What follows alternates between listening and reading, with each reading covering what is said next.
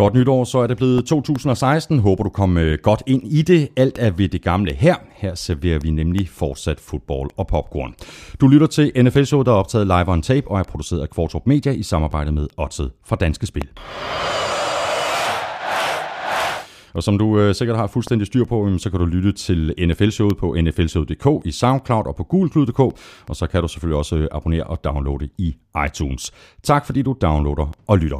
Jeg hedder Thomas Kvartrup. Her kommer min medvært. Skål Vikings, let's win this game. Skål Vikings, honor your name. Skål. Skål. Skål Elming. Godt nytår. Og tak lige måde. Godt at se dig igen og dejligt at være her, og faktisk nu kunne kalde sig forsvarende mestre i NFC North.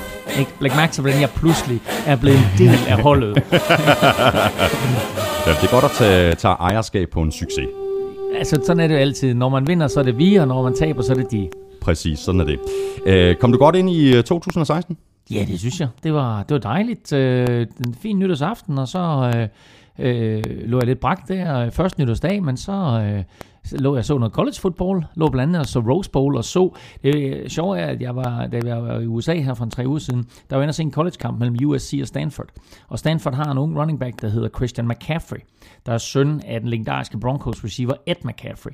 Og Christian McCaffrey var så sindssyg i den kamp der, som jeg var inde og se. Øh, jeg var så og tænkte, ham der, han jo et monster. Øh, hvid running back, slash kick returner, slash receiver, han kan det hele. Øh, og han var en enmands her i den Rose Bowl også. Øh, jeg tror faktisk, han har et år tilbage i college, så vi får ham ikke engang at se i NFL nu her til efteråret. Men holdt op en spiller, som folk godt kan glæde sig mm. til at se. Mm. Så hvis man øh, har lyst til at se lidt omkring, så gå ind på google.dk, der ligger øh, højdepunkter derinde øh, fra, fra Rose Bowlen, blandt andet med Christian McCaffrey. Altså en meget, meget interessant spiller. Så, så det, det var det, min første januar gik med, og, og det har den gjort i en del år efterhånden.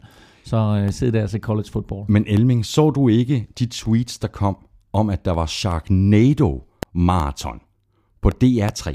Jeg så dem, og jeg satte mig til at se Sharknado, og jeg har da aldrig i mit liv set noget så mærkeligt. Jeg blev, jeg blev sådan lidt fascineret af det. Jeg synes det var vanvittigt. Jeg var slet, de gange, du har snakket om Sharknado, har jeg ikke anet, hvad det var jo. Nu har jeg set Sharknado. Det er jo, det er jo, det, det er jo bizart. Fuldstændig. Og som jeg også sagde, da vi, da, da vi først kom ind på Sharknado, de film er simpelthen så dårlige, at de nærmest er gode. Ja, og så er det Steve fra 90210. ja, præcis. Det er virkelig underligt. Ja, og så en masse hajer. exactly.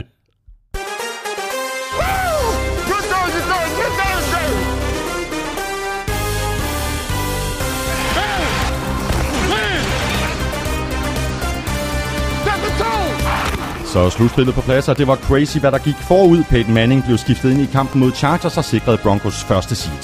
Steelers kom lige akkurat med, efter de besejrede Browns, og Bills vandt over Jets. Stakkels Fitzpatrick.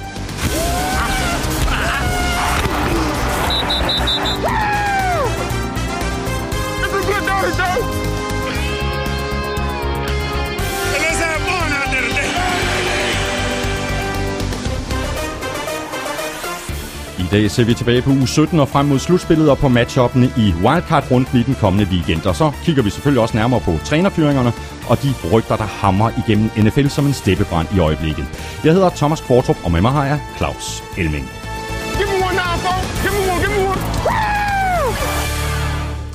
Nå Claus, øh, der er masser, vi skal tale om, inden vi går i gang med at se tilbage på, på den øh, 17. Og den sidste spillerunde i dette års udgave af NFL, og vi øh, ser selvfølgelig også på slutspillet og på matchuppene nu i den, i den kommende weekend. Lad os lige øh, vente lidt med det og nappe nogle andre historier øh, først. Nu er det jo for eksempel helt officielt. Øh, tre hold de har søgt om at flytte til Los Angeles. Det drejer sig selvfølgelig om Raiders, Chargers og Rams. Som alle sammen har boet i Los Angeles før.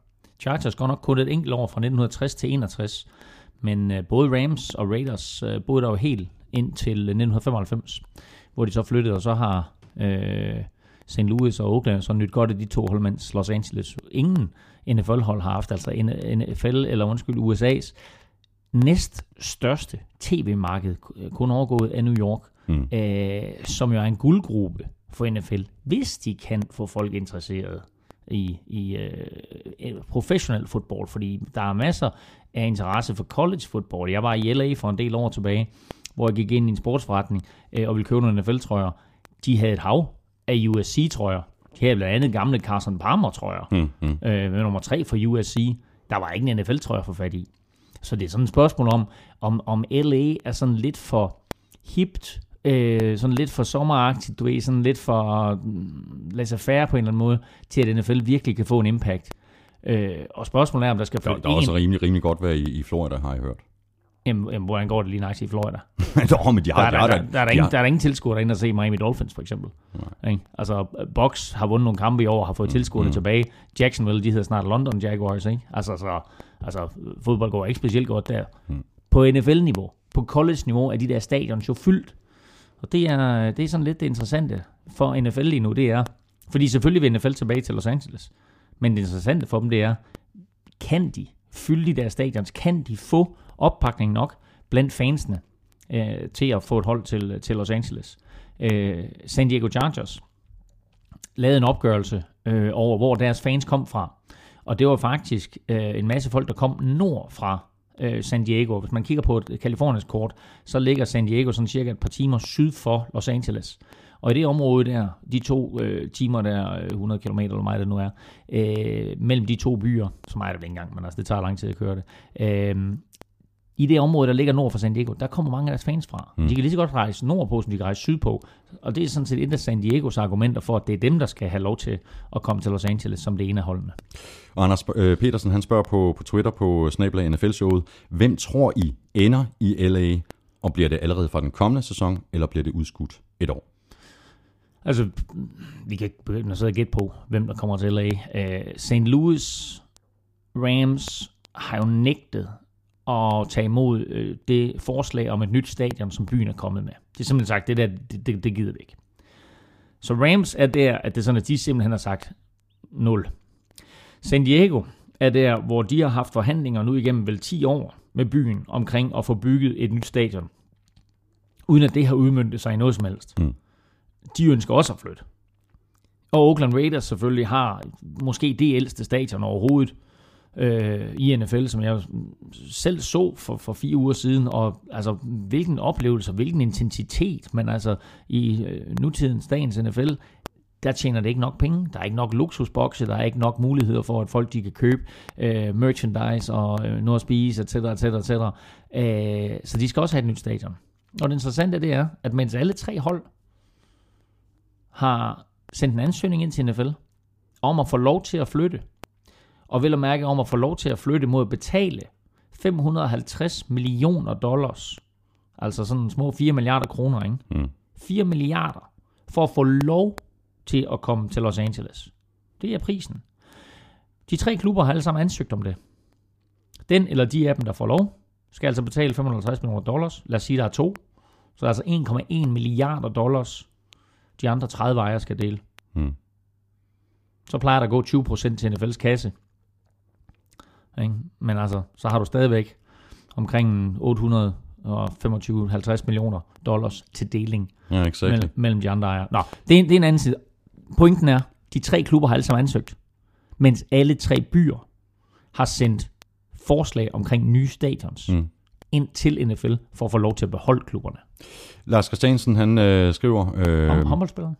Mm, Jeg tror ikke, det er ham, men det, Nej. men det er jeg ikke fuldstændig sikker på. Men øh, han, han skriver, øh, nu kan jeg faktisk ikke huske, om det er på mailen eller på Twitter, men øh, han skriver i hvert fald, nu hvor der er tre klubber, der vil flytte øh, til LA, så er det kommet frem, at der skal betales, som du også er inde på, et Ja. allocation fee på mellem 500 og 600 millioner dollar. Med tanke på, at for eksempel University of Phoenix Stadium kostede omkring 500 millioner dollar, hvorfor køber et hold så ikke et nyt stadion selv? Jeg ved godt, at der kan være andre grunde til at flytte, men er det ikke hovedargumentet, at de skal have et nyt stadion? Ja, det, undskyld, det, der mister du mig der, det forstår jeg ikke. Hvad, hvad, hvad, hvad, hvad sammenhæng har det? Men, men spørgsmålet er, at hvis du i forvejen skal betale så mange penge Ja, for at flytte, ja.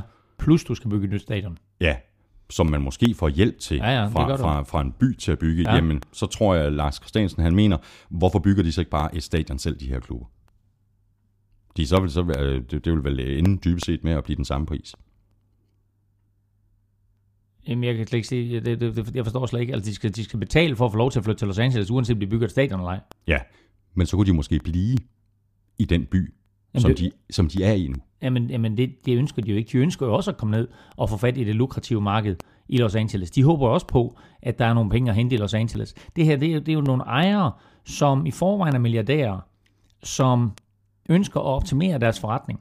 Det er jo simpelthen et spørgsmål om, at øh, hvor, hvor, hvor sælger du is hen? Altså sælger du is ude ved stranden? Eller øh, sælger du is i, i en øh, kælder på Frederiksberg? Mm, ikke? Altså, mm, mm. Øh, her der siger de, at der, der, der er bedre salg ude ved stranden. Så vi rykker et NFL-hold derud og ser. Ikke? Altså lad os nu komme til, tilbage til LA, lad os få testet det her marked, lad os få bygget et nyt stadion, lad os give fansene en eller anden form for fed stadionoplevelse. Lad os give dem noget at være stolte af, lad os give dem et NFL-hold, som de kan identificere sig med. Det er det, der er spørgsmålet. Mm. Og så er spørgsmålet, hvem er det af de tre hold, som får lov til det? Vi kommer selvfølgelig også til at tale om det, Claus, når vi når til øh, kampene, men der skete alligevel noget i, øh, i kampen mellem Broncos og Chargers, der nok også er værd at runde her. Øh, Peyton Manning han kom på banen i tredje kvartal, efter at øh, Osweiler han havde kastet et par, par interceptions og, og, og fumblet en enkelt gang. Det er klassisk også, Claus. Vi sagde, Peyton Manning kommer ikke tilbage. Jeg er glad for, at jeg har trukket dig med ned i døgnet. det er det, vi kan, Claus. Ja. Det, det vi siger, der ikke kommer til at ske. Det kommer til at ske. Men altså, bror, du og jeg er jo ikke de eneste i NFL-verdenen og selvbestaltede eksperter. Det er vi ikke. Der har sagt, Peyton Manning er færdig. Det var det. Nu er det Brock Osweilers hold. Vi får ham aldrig at se igen. Ikke? Peyton Manning vinder øh, kampen. Godt nok så er det Brock Osweiler, der starter, og dermed så har Peyton Manning altså ikke fået sin, sin sejr endnu, øh, og kommer heller ikke til det, for nu er det slutspilskampe. Mm. Øh, og når jeg siger sin sejr, så er det jo for at overhale Brett Favre. Ja, det er faktisk Jeppe Schmidt, han, han spurgte, for, for flest sejre. Jeppe ja. Schmidt, han spurgte på, på Twitter, øh, faktisk under kampen, lige efter ja. den var begyndt, så, hvor man så regnede med, at det var Brock Osweiler, der skulle spille ja. kampen. Hvorfor lader de ikke Peyton Manning tage det første snap? og så sats på, at de vinder, så kunne han få sin sejr og få sin rekord og slå Brett Favre's øh, mm. rekord med, med en enkelt. Jeg mener, den er på, hvad er den, på 186 uh, øh, regular season kampe. Ja, nu, ja og, altså, det gør man bare ikke. Altså, øh, jeg har, jeg har da nogle gange set, at, sådan, at, at der er nogen, du ved, altså, at, at de egentlig siger, at okay, det er de her 11 spillere, vi starter, og så er det egentlig ikke de 11 spillere, de starter. Og derfor så er der også nogle klubber, der begynder at sige, jamen, altså, prøv at høre, egentlig så er vi et, et hold, der spiller med tre receiver, men vi vil godt vise det sådan, at, at vi spiller med to running backs, og så siger, så har vi sådan set 12 starter. Hmm. Ikke? Øh, men det gør man ikke på quarterback. Du går ikke ind og siger, du ved, vi starter to quarterbacks i dag. Så selvfølgelig var det her, det var Brock Osweilers hold lige ind til den forfærdelige første halvleg, hvor han selv laver tre turnovers, Broncos laver fem turnovers, de er bagud mod Chargers. Ind kommer The God. Ja. Og han er tilbage, Peyton Manning, og nu er det hans hold. Altså, jeg forventer på ingen måder, at han ikke starter øh, om halvanden uge, når Broncos de, øh, skal i aktion for første gang. Så spørger øh, Tim Eriksen, øh, hvor meget Manning stadigvæk har at give. Øh, er det den sidste sæson, det her, eller tager han en mere? Jeg håber så meget, at han tager den her sæson og siger tak for nu. Jeg håber ikke, at vi skal se ham igen. Nej, og det øh, var jo måske lige præcis det, der kunne ske, hvis det skulle kikse, eller hvis det gik galt, som han siger, at det, det skal ikke være punktummet, så jeg tager en, en sæson mere. Spørgsmålet er, om, hvor han så kommer til at spille hen. Mm. Øhm. Hvis han fortsætter, så ej, det, det kan jeg ikke begynde at spekulere i. Jeg håber ikke, han fortsætter. Det gør jeg heller ikke.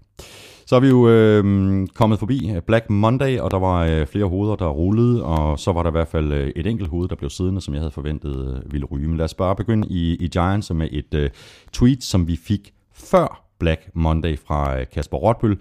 Breaking news, skriver han. nfl siger, at Coughlin bliver i Giants. Det vil sige, at han bliver fyret i næste uge.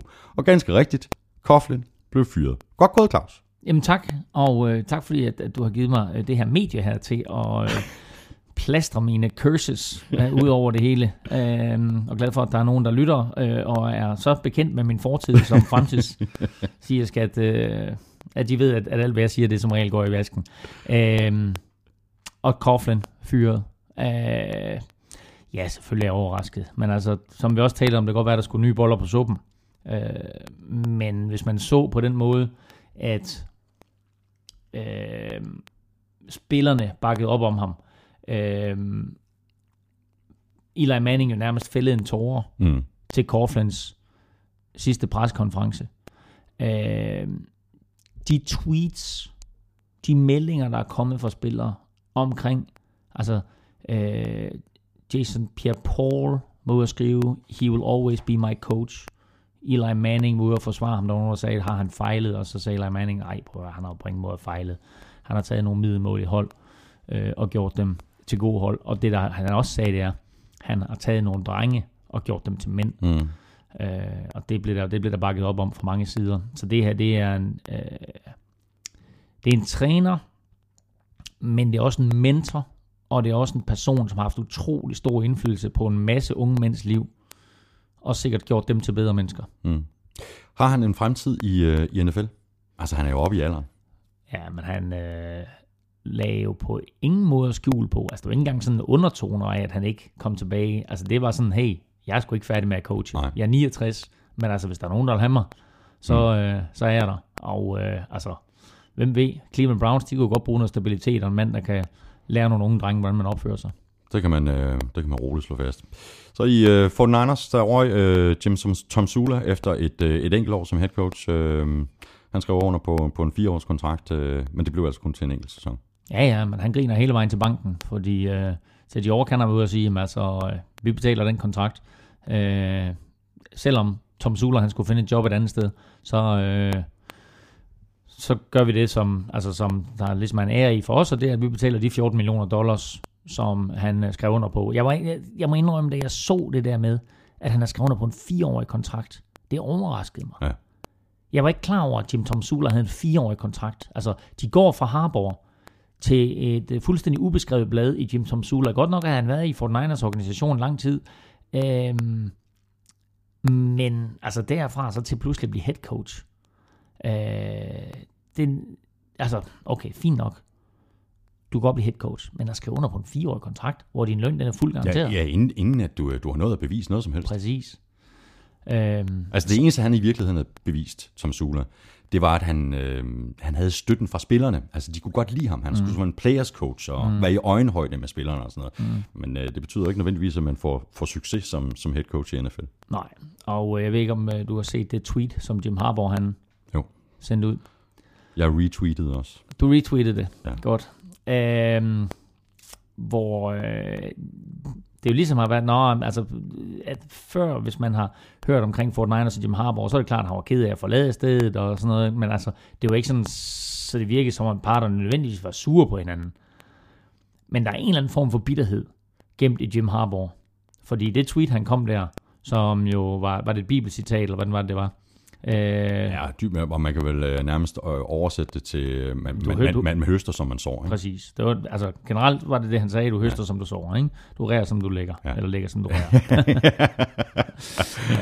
øhm, så øh, så han, han kom lige med en sviner der Ja. til Fort Niners organisationen og sagde, Og og, ikke- og og, sagde, og sagde mellem linjerne, det her, det har I bragt på jer selv. Ikke? Ja. Det er jeres egen skyld, det her. Præcis. Det var en sviner til Jet York, og ikke mindst til Trent Borky, altså GM for 49ers. Altså, Uden tvivl.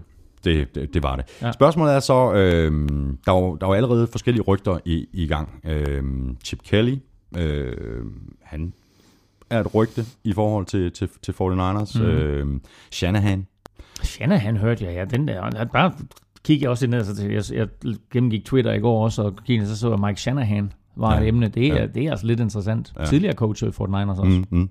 og så Sean Payton er også blevet rygtet, men han er også blevet rygtet til, til Giants. Mm. Og Monik, han havner i Giants. Jeg kan godt se, øh, jeg kan sagtens se Sean Payton sammen med Eli Manning. Men altså, nu siger jeg bare noget.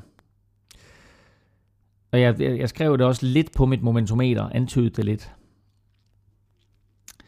Miami Dolphins har ikke fyret officielt Dan Campbell endnu. Jeg er faktisk lidt i tvivl om, hvordan hans kontrakt er konstrueret. Jeg tror Mm. faktisk måske bare, at de lige nu ikke har en træner. Øhm, så han er, han er vel officielt bare sådan øh, dead man walking på en eller anden måde. Mm, mm. Sean Payton og Drew Brees til Miami. Så har du altså Drew Brees sammen med et ung receiver corps og en Mm. running back i Var det Lamar ikke det, jeg Miller. foreslog i sidste uge? Jeg tror, jeg, jeg nævnte det i sidste uge som en mulighed. Altså, de røg til, at de røg til Dolphins. altså, jeg kunne godt se det. Ja, det, det er spændende. Så hopper vi videre til uh, Browns. Uh, farvel til Mike Patton og uh, også til GM Ray Farmer. Uh, to sæsoner fik han uh, Mike Patton. Og øh, gjorde det egentlig okay i sin første. Har fuldstændig mistet det i sin anden. Selvom, altså, ja, igen ikke, altså. Der er så mange kampe, hvor de har været så tæt på Browns. Mm. Især den første halvdel af sæsonen. Og så her i anden halvdel af sæsonen, så er det hele jo bare smuldret mellem hænderne på dem. Øh, quarterback skader og quarterback øh, controversy med, om Johnny Mansell skulle starte eller ikke skulle starte, og kunne ikke styre den der unge knæk der. Og, altså, øh, så han, øh, han fik to sæsoner, øh, hvilket er meget, når man er Browns coach. Ja. Øhm, I de sidste seks år. En AFC North divisionen består af Cincinnati Bengals, Pittsburgh Steelers, Baltimore Ravens og Cleveland Browns. I de sidste seks år, der har Bengals, Ravens og Steelers haft én træner hver. I de seks år, der har Browns haft fem. Ja. Og nu får de nummer 6. Uh, Men det er jo klassisk Browns, det her. Ikke? Det, er- det er, vi talte også om det, jeg tror det var jo faktisk i vores øh, optagsudsendelse, mm. at Browns er bare sådan en organisation, der hele tiden skifter personel. Det, det, mm. det er et nyt spillesystem, nye head coach, øh, nye assistant coaches, altså der, der, der er ingen kontinuitet. Nej, og en anden ting, det er, at nu taler vi kun om trænere, men man skal også kigge på øh, det, man kalder the front office, altså administrationen. En af de vigtigste ting for en administration er at finde de rigtige spillere. Det gør du på to måder. Det gør du på transfermarkedet, free agency, og det gør du ved at hente nye unge college-spillere ind, draften. Og i ingen af de to områder har Cleveland haft succes. Altså, deres drafts gennem de sidste fem år har været en katastrofe. De har haft en masse høje valg, fordi de har været så dårlige. Mm. Og alle de der høje valg der, er jo, har jo ikke udmyndtet sig til noget som helst. Øh, og Johnny Mansell fra sidste år er jo bare endnu et eksempel Mm. øh, på, på en øh, fiasko, kan vi godt tillade os at kalde det. Øh, og hans opførsel den forgangne uge, øh, hvor han jo angiveligt har været i Las Vegas, mens alle de andre spillere, de øh, Igen. tog, øh, tog ud for at spille mod Baltimore Ravens. Øh, nej, det hvem spillede de mod? Nej, de spillede mod Bengals. Gjorde det ikke? Øh, Det kan jeg ikke huske lige nu. nej, de, de spillede mod Bengals. Øh, Ravens og Steelers havde hinanden. Havde de, nej, det havde de. Nej, Hvem havde de? De havde Steelers selvfølgelig. de har Steelers. De havde Steelers jo. Øhm, der, er han, der er han angiveligt i Vegas. Øh, og angiveligt klædt, klædt ud. Ikke? Altså angiveligt med på ryg og overskæg. Mm. Øhm, Fordi så er der ingen, der spotter mig. Nej, præcis. og øh, blev på en eller anden måde lynhurtigt, øh, fik han et eller andet øgenavn med Billy Football. Ham, ham, Billy Football. Men altså, I don't know. Det der, det der, der skal ske noget i Browns. Og altså, jeg synes jo lidt, at, at det skal også ske helt fra toppen, altså fra ejeren Jimmy Haslam, ikke? at han er nødt til at skabe noget kontinuitet, og det kan sgu ikke nytte noget, at det er sådan, du bare skifter træner, som vi andre skifter underbukser. Altså, du er nødt til at sørge for, at der kommer, og jeg synes jo egentlig, Mike Patton har nogle kvaliteter. Jeg kan godt lide at høre på ham i sin pressekonference. Jeg synes, han har noget aura omkring sig. Jeg synes også, at det er modigt af ham. Øh, Den måde, han behandlede hele Johnny Mansell-situationen på. Og så, øh, som vi har talt om tidligere, så er der altså kommet nogle direktiver fra nogle andre steder, der har gjort, at han ikke havde en chance for at løse mm. den der konflikt. Øh, Så øh, det, der sker nu for, Clown, for Browns og for Jimmy Haslam, det er, at de endnu en gang går ud og siger, nu finder vi en ny træner, og vi skal skabe noget stabilitet, og ham her, han får lang tid til at bygge det op. Og så håber jeg på en eller anden måde, at man ikke bare ser på resultater over en eller to sæsoner og siger, det der ikke går nok ud. Altså, problemet i NFL nu er, at du ikke får en kontinuitet, fordi trænerne ikke får lov til at træne i længere periode. Se på de hold, der har haft succes igennem årene. Ikke? Øh, Packers i de tidligere år øh, med Vince Lombardi, øh, Steelers øh, med Chuck Noll, øh, Cowboys med, med, med, med Jimmy Johnson, og, og inden det med øh, øh, Tom Landry. Mm. Øh, er masser af eksempler, ikke? Altså nu om dagen? Patriots med øh, Bill Belichick, Mike McCarthy, Packers, øh, Steelers, som jo igennem øh, helt, altså de, de, de holder deres coaches i 10, 12, 15, 20 Bare de har haft år. tre head Jamen, coaches, det er, sådan, det er noget. fuldstændig helt, helt vildt, vanvittigt, ikke? Øhm, så på den måde, der er der kommet sådan en eller anden form for hurtig aftrækker-mode for, for, for, for ejerne, hvilket ikke er sundt for organisationen. Øhm, og så på den anden side, jamen, øh, så kan du sige, at øh, øh, der er en, fyr, som, øh, som Miami Dolphins træner, ikke, der blev fyret tidligere på sæsonen, øh, som jo havde været der i fire og en halv sæson. Ja, Joe Philbin. Joe Philbin, ikke, som jo havde været der i fire en, en, en halv sæson, ikke, uden overhovedet at få holdet i playoffs, uden at man ligesom kunne sige, at, at, at der skete noget. Øh, Du var jo også solgt på Ryan Tannehill Mm, inden, mm. inden sæsonen, ikke? Ja, og, fuldstændig. Fire kampe inde i sæsonen, ikke? Jamen, altså, så er Joe Philbin fyret, og Ryan Tannehill, han ligner en joke jo. Mm. Og øh, Philbin er der så stadigvæk ikke, og Tannehill ligner stadigvæk en joke, men altså, øh, jeg synes bare, der mangler kontinuitet. Giv træner en eller anden form for lovning på en periode, og jeg ved selvfølgelig kan man ikke gøre det, men altså giv dem en eller anden form for lovning på en periode, at vi kan ikke fyre dig ind for de første fire år. Nej. Ikke? Altså, jeg skal have lov, hvis jeg kommer ind som træner, så skal jeg have lov til at sætte mit præg på det. Ja, fordi, og det, det, jeg er fuldstændig enig med dig, Claus, altså, fordi der er jo bare, det er helt tydeligt, at der er en øh, altså, lang, lang kortere snor i dag for øh, trænerne for at ryge ud ved, ved manglende resultater, kan man sige. Men altså, hvis vi ser for eksempel på en Bill Walsh i 49ers, mm men han vandt fire eller seks kampe i sine to første sæsoner. Mm. Og vi ved godt, hvordan det gik senere for mm. Bill Walsh og 49ers. Mm. Men hvis det var sket i dag, mm. så var han blevet sparket på porten. Præcis. Øhm, Jimmy Johnson. Ja. Kom ind, ikke? Vandt en kamp i sin første sæson. Mm. Øhm, og altså, kunne også godt have fået nu, nu er han så i den heldige situation, at Jerry Jones, som ejer Cowboys, og, og ham selvfølgelig var gode venner, og han ligesom var blevet headhunted fra University of Miami til at komme ind og træne Cowboys, som vidste godt, at han ikke blive fyret. Men altså, kort historie lang, jeg synes, ejerne er lidt for hurtigt på aftrækkeren, øh, når det kommer til at træne fyringer. Og en mere, der blev øh, fyret, og det, det blev han den øh, 29. december, det var Chip Kelly fra, fra, fra Eagles. Øhm, ja, yeah, det var vel, øh, vel dårlige personalebeslutninger, der, mm. der, der ledte til den fyring. Ja, altså, vi talte om det sidste uge også, øh, hvor det stod klart, at, at, at han var blevet fyret, ikke? at øh, nogle af de spillere, han har ladet gå, ikke? altså du kan se en, en uh, Deshaun Jackson er i slutspillet med Washington Redskins, uh, en uh, Jeremy Macklin er i slutspillet med uh, Kansas City Chiefs, Evan Mathis er i slutspillet med Denver Broncos, mm. LaShawn McCoy har haft en ganske udmærket sæson for Buffalo Bills, øh, altså et cetera, et cetera. Han har bare lavet nogle spillere gå hister her, mm. som han godt kunne have brugt, og så nogle af de spillere, han hiver ind, øh, har haft ikke nær den succes, som man havde håbet på, og passer ikke ind i det system, han har bygget. Øh, og så er der en, en, en anden sjov lille betragtning, og det er, at når man ser på den måde, Chip Kelly han kørte sit forsvar på i college, og der er forskellen på NFL og college, det skal man lige forstå, at i NFL der har du omkring det var sådan set ubegrænset øh, antal spillere til rådighed. Øh, men lad os bare sige, at du har øh, 100 spillere på holdet, og de 70 de er aktive. Der har du altså i NFL 45. Men med 70 aktive spillere i college, der kunne Chip Kelly jo gøre det, at han spillede sit forsvar.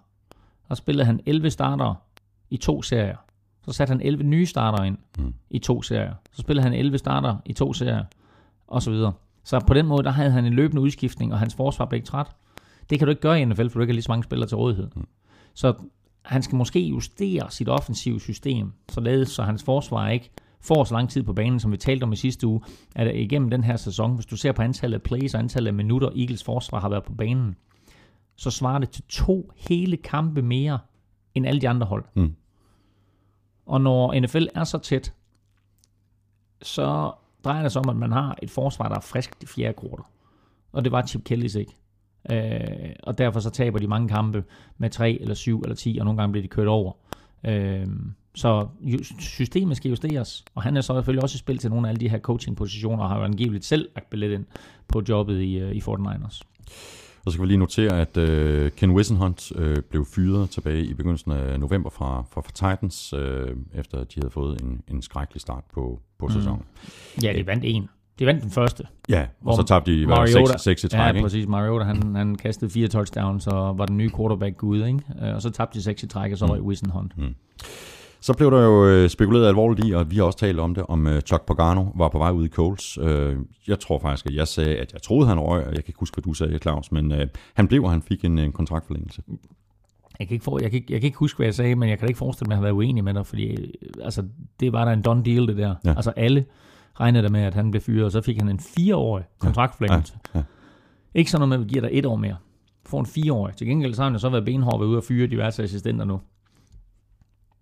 De får sparket alle sammen, og så hiver han en masse nye assistenter ind. Det siger måske også noget omkring den tillid, der er til netop Chuck Pagano. Mm. At han som head coach har nogle enorme kvaliteter. Øh, og nu taler vi om, hvordan Giants-spillerne havde bakket op omkring Tom Coughlin. Cole-spillerne bakkede i den grad op omkring Chuck Pagano i omklædningsrummet efter i søndags, hvor ja. alle spillerne også troede, og. Pagano mm. formodentlig selv jo, mm. troede, at det var min sidste kamp. Og der gik Robert Mathis ind og gav Chuck Pagano kampbolden. Normalt en, en, en kampbold, som trænerne uddeler til en eller anden spiller, der har gjort det godt, gik Robert Mathis hen og gav Chuck Pagano øh, kampbolden, øh, og sagde øh, mere eller mindre tak for alt. Mm. Øh, og nu kan han jo så sige... Øh, Goddag igen. Selv, selv, selv tak, I'm back. ja. Så har vi øh, Jim Caldwell, der er hængt i en, i en tynd tråd i løbet af, af sæsonen, men øh, med den her afslutning på, øh, på, på sæsonen med mm. jeg mener, 6 og 2, øh, ser ud til at redde ham. Og, og nok så vigtigt for Lions er det, at de jo dermed også kan holde fast i Jim Bob Cooter. Mm. Altså, altså man kan jo sige, at uh, Stafford han har jo spillet fantastisk efter at uh, Jim Bob Cooter. Og, og hvis Caldwell var røget, jamen så var Cooter sandsynligvis også røget. Mm. Ja, det er jo meget sjældent, man, man, man beholder en head coach, øh, uden at, eller at, at man fyrer en head coach, uden også at fyre alle assistenterne. Øh, der er nogle ganske, ganske få gange, det er sket. Øh, men det interessante ved Lions, ikke, det er, som du siger, at de gør 6 og 2 i den anden halvdel af grundspillet. Hmm. De eneste tre hold, der gjorde det bedre, det var altså Seahawks, Cardinals og Chiefs. Som alle sammen er i slutspillet. Som alle sammen er i slutspillet. Øh, og Lions var jo altså bare, bare en enkelt Hail Mary i, i kampen mod Green Bay Packers, fra at gå 7 og 1 ja. i de sidste otte kampe. Og det der fuldstændig fluke play der imod uh, Green Bay Packers ødelagde jo uh, deres forhåbninger om at uh, overraske alt og alle, og mm. måske tilkæmpe sig en slutspilsplads. Det, det, det, det røg ligesom uh, i skraldespanden der, men altså, det var imponerende at se det der Lions-mandskab, som fik en utrolig dårlig start på sæsonen, finde ud af, jamen vi er faktisk et godt hold. Alle talte om, de mangler en Dom Kansu, og det gjorde de måske også til at starte med, at de kunne rigtig finde ud af, hvordan de skulle spille forsvar, og de kunne slet ikke finde ud af, hvordan de skulle spille angreb. Og så kom de med Bakuda ind som offensiv koordinator, og derfra spille Matthew Stafford langt, langt bedre, end jeg nogensinde har set, mm. øh, og kan huske, at jeg har set ham spille. Fuldstændig enig. Claus, lad os så tage et kig på det, som det i, øh, i virkeligheden handler om, nemlig slutspillet. Et uh, slutspil, som jeg synes tegner til at blive et af de mest uh, spændende og også uh, uforudsigelige i, i rigtig mange år. Lad os snappe uh, AFC uh, først. Uh, første seed uh, Broncos og anden seed Patriots, de sidder selvfølgelig over i første runde, og så har vi divisionsvinderne uh, tredje seed Bengals, fjerde seed Texans, og så wildcards Chiefs og Steelers på, på femte og, og sjette seed. Det bliver, uh, excuse my French, røvhammerne spændende. De to uh, wildcard-kampe uh, i AFC, det er Texans mod Chiefs og Bengals mod Steelers. Mm. Det interessante ved de fire wildcard-kampe i weekenden, det er, at alle fire udehold er favoritter. Mm. Uh, og det starter selvfølgelig med Chiefs ude mod Texans. Uh, Chiefs starter 1 og 5, vinder de sidste 10 kampe. Er det første hold siden Bengals fra 1970, som er 1 og 5 og kommer i slutspillet. Øh, de gør det med et øh, super skarpt forsvar, selv uden Justin Houston, der formodentlig kommer tilbage, om ikke til første uge, så til anden uge, hvis de stadigvæk er med der, Chiefs. Øh, og så gør de det med en øh, Alex Smith, som øh, spiller bedre end nogensinde før. Øh, og det gør han, fordi ham og Andy Reid på en eller anden måde har sat sig ned og fundet ud af, hvordan er det helt præcis, vi konstruerer et angreb, som til gode ser de kvaliteter, Alex Smith har, og tager fokus væk fra de ting, han er knap så god til. Mm. Og det er imponerende. Øh, og det har vist sig utrolig effektivt. På den anden side, så har der Houston Texans, som også fik en elendig start på sæsonen. Houston Texans og Kansas City Chiefs var begge to 2 og 5. De er begge to 2 og 5. Hmm. De er 16-2 til sammen siden da. Ja, det er fuldstændig vildt, ikke? De to, der kan man virkelig tale om momentum. Ja, og de to nederlag, de så har til sammen, det er så begge to Texans, men altså, øh, det, er, det er altså meget, meget imponerende. Også hvad Texans har formået. Især fordi Texans, hold nu fast, har skiftet quarterback i løbet af sæsonen. Hvor mange gange tror du? Er vi ikke oppe på fire? Ni. Ni? Okay, Altså. Jamen altså fra Brian Højer til Ryan til, ja, okay, på den måde. Ja, ja. Til, til Ryan Mallet, og fra Ryan Mallet tilbage til Brian Højer, og så kom øh, der et par backups ind, ikke? og så var de nødt til at hente en ny quarterback udefra, og så blev Ryan Mallet fyret og så videre. Ni forskellige gange i løbet af sæsonen har de skiftet quarterback. Mm. Det er jo uhørt, at noget hold gør det i en sæson, og så stadigvæk står i slutspillet, og så endda som divisionsvinder, og har hjemmebane i første runde. Ja. Og så har vi... Øh... Og så lige en sidste ting. Ja. Nu snakker vi om, om, om Chiefs forsvar. Texans forsvar har holdt modstanderne i de sidste ni kampe, hvor de går 7-2, der har de holdt modstanderne fem gange til under et touchdown. Ja. Det er altså giftigt nok. Ja. Vi skal nok ikke forvente det helt vilde shootout i den kamp. Nej, det tror jeg ikke. Øhm, og så nogle gange, du ved, så overrasker ja, ja. NFL jo, ikke? Ja. Du ved, så tænker man, om du ved, det bliver sådan en lavt scorende affære med to middelmodige angreb og, og to fantastiske forsvar. Lad os nu se, hvordan den er. Og så har vi den anden uh, wildcard-kamp, uh, Bengals uh, mod Steelers. Uh, Bengals hjemme, men uden Andy Dalton med uh, AJ McCarron som, som quarterback. Og ja, altså... Hvis det her Steelers angreb, uh, det kommer op og køre, uh, som det kan køre, så bliver, uh, så bliver det hårdt for Bengals. Øh, ja, det gør det. Steelers lister sig ind i slutspillet. De får jo hjælp, som vi selvfølgelig taler om lidt senere. Øh, Bills slår Jets. Steelers slår selv Browns. Kommer i slutspillet. Øh, hvor de jo for en uge siden dummede sig ja. ved at tabe til Ravens, og sad udenfor og tænkte, hold da op, hvordan ødelagde vi det her, ikke? Men lige nu er der sket det, at Steelers kommer ind i et felt, der hedder Patriots i krise, Broncos med en eller anden form for quarterback controversy, mm. uh, Bengals, der starter i Jim McCarron, Texans, der sådan er et so-so hold som divisionsvinder, så er der Chiefs, som godt nok har vundet en, en masse kampe, men vel, vel egentlig heller ikke har, har Steelers niveau. Uh, altså Steelers, i mine øjne, er der sådan lidt favoritter i AFC lige nu. Ja, præcis. Christian Slot, han, han spørger, øh, hvordan ser I Bengals muligheder for at slå Steelers, og hvad mangler Bengals for at kunne vinde i playoffs? Øhm, ja, i år, der, der mangler de Andy Dalton. Det, det er helt vildt mærkeligt at sige det, ikke? fordi at det, det er jo blandt andre Andy Dalton, der har måttet mm. tage på kinden øh, for, at de har været det her one and done mm. øh, playerfolk øh, mm. de foregående år. Ikke? Jo, det bliver interessant at se, hvad Agent McCarron han kan gøre, fordi vi skal også sige, det er jo ikke det bedste forsvar i NFL, han er op imod. Øh, det interessante ved de 12 slutspilshold, det er, at det de egentlig har til fælles, alle sammen, det er forsvar. Redskins, hvis du ser på point tilladt af forsvarene, så ligger Redskins nummer 17. De andre 11 ligger alle sammen i top 12. Det eneste hold, der sniger sig ind i top 12, som ikke er i slutspillet, det er Jets. Så de her 12 hold, der alle sammen er i slutspillet, de kan alle sammen spille forsvar.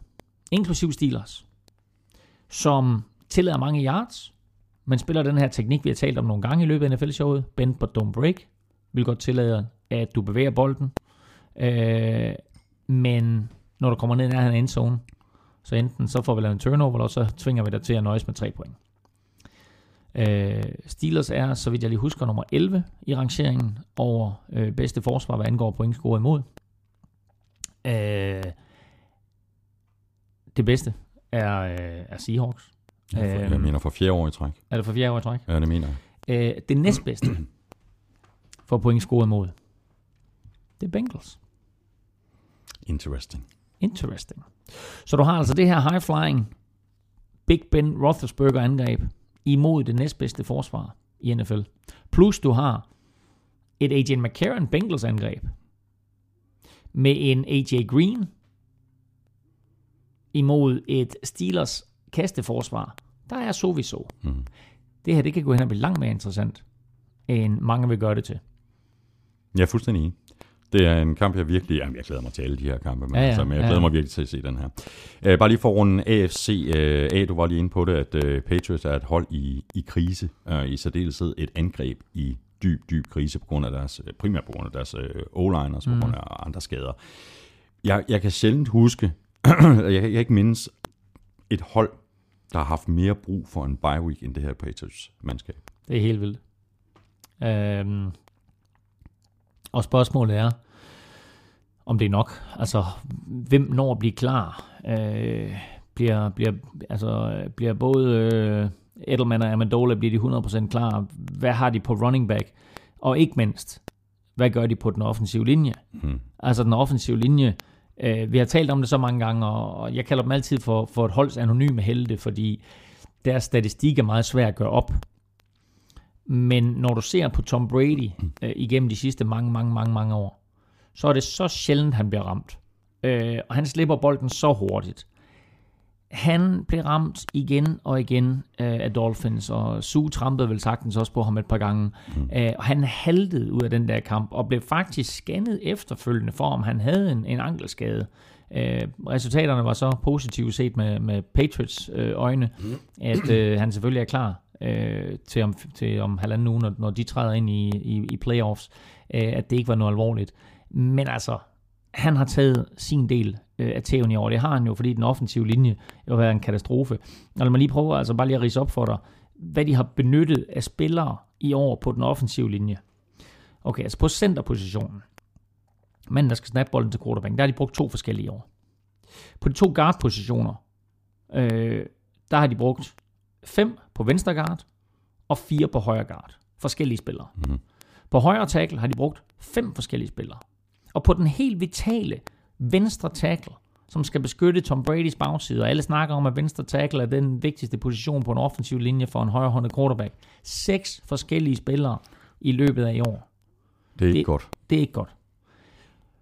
For det første, fordi du spiller nogle, øh, du er nødt til at starte nogle spillere, som ikke har den kvalitet, øh, Bill Belichick og Tom Brady ønsker. For det andet, fordi du ikke opnår den interne forståelse mellem de fem på linjen. Der, der opstår nogle helt, helt, helt... Jeg taler virkelig om, at det skal være en enhed. En enhed. Der, og der opstår nogle fastlagte aftaler mellem 2 og 2 og 3 og 3 og endda 5 og 5. Mm. Man bare lidt sådan, du ved, jeg tager ham, og du tager ham, og når, hvis de står sådan, så krydser vi, og gør de sådan, du ved. Og, og, og der, er også, der er også nogle kald, som, som senderen øh, plejer at lave, som alle måske ikke er helt med på. Der er nogle kald, som Brady vil lave, som alle måske ikke er helt med på. Mm. Der er bare en masse ting, mm. som du ikke får ind. Og som jeg talte om i sidste uge, når du er nødt til at sætte Adrian Waddle ind på venstre tackle, ja. som var så elendig i Lions på højre tackle, han blev fyret, så ved du, du er skidt kørende. Så lad os op videre til øh, NFC, Claus. Øh, første og anden seed, Panthers og Cardinals. Så har vi de øh, to divisionsvindere, Vikings, tillykke med det, mm. og Redskins. Og så øh, wildcard-holdene øh, Packers og Seahawks på 5. og 6. seed. Øh, Vikings hjemme mod Seahawks. og Seahawks, de ser altså drabligt godt kørende ud nu. Spørgsmålet er, vil du, hvis du kunne ændre det her som Vikings-fan, vil du hellere have tabt den kamp til Packers, og så skulle I have spillet ude mod Redskins? Ja, det skulle vi så ikke, fordi øh, det endte jo faktisk med, at fordi Seattle de slog Arizona Cardinals, så skulle Vikings faktisk have været tilbage til Green Bay. Ja, rigtigt. Øh, og, øh, men det ville have været bedre, ville det ikke? Nej, nej, jo, altså så ville det være dejligt at kunne slå Packers ud i slutspillet, men altså prøv at høre. You play to win the game. Ikke bare det. Du tager til Green Bay. Du slår Packers i Green Bay. Du vinder NFC North-titlen for første gang siden 2009. Du besejrer Aaron Rodgers, der ellers var 10 og 1 imod Minnesota Vikings. Altså, der er så mange psykologiske aspekter i det her.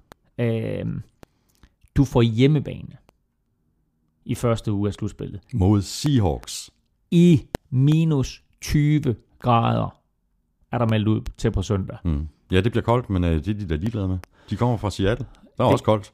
Der er koldt, og, og selvfølgelig, altså havde det, havde det været en eller anden form for domehold, eller en, et, et varmt klimahold, havde det været en anden side af sagen, Seattle er selv vant til det, så det kommer ikke til at påvirke dem på samme måde, men jeg siger bare 20 grader, ikke? Altså, øh, det her, det bliver jo ikke en kamp som sidst, hvor Seahawks kørte Vikings over, var det 35-6 eller et eller andet, den, den, den, den første gang, de mødtes.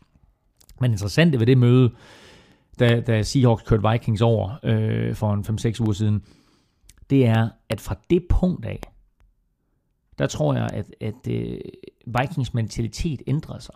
De tog til Cardinals bare fire dage efter det, og var tæt på at besejre Cardinals. Mm-hmm. Øh, og så har de ellers ikke tabt siden.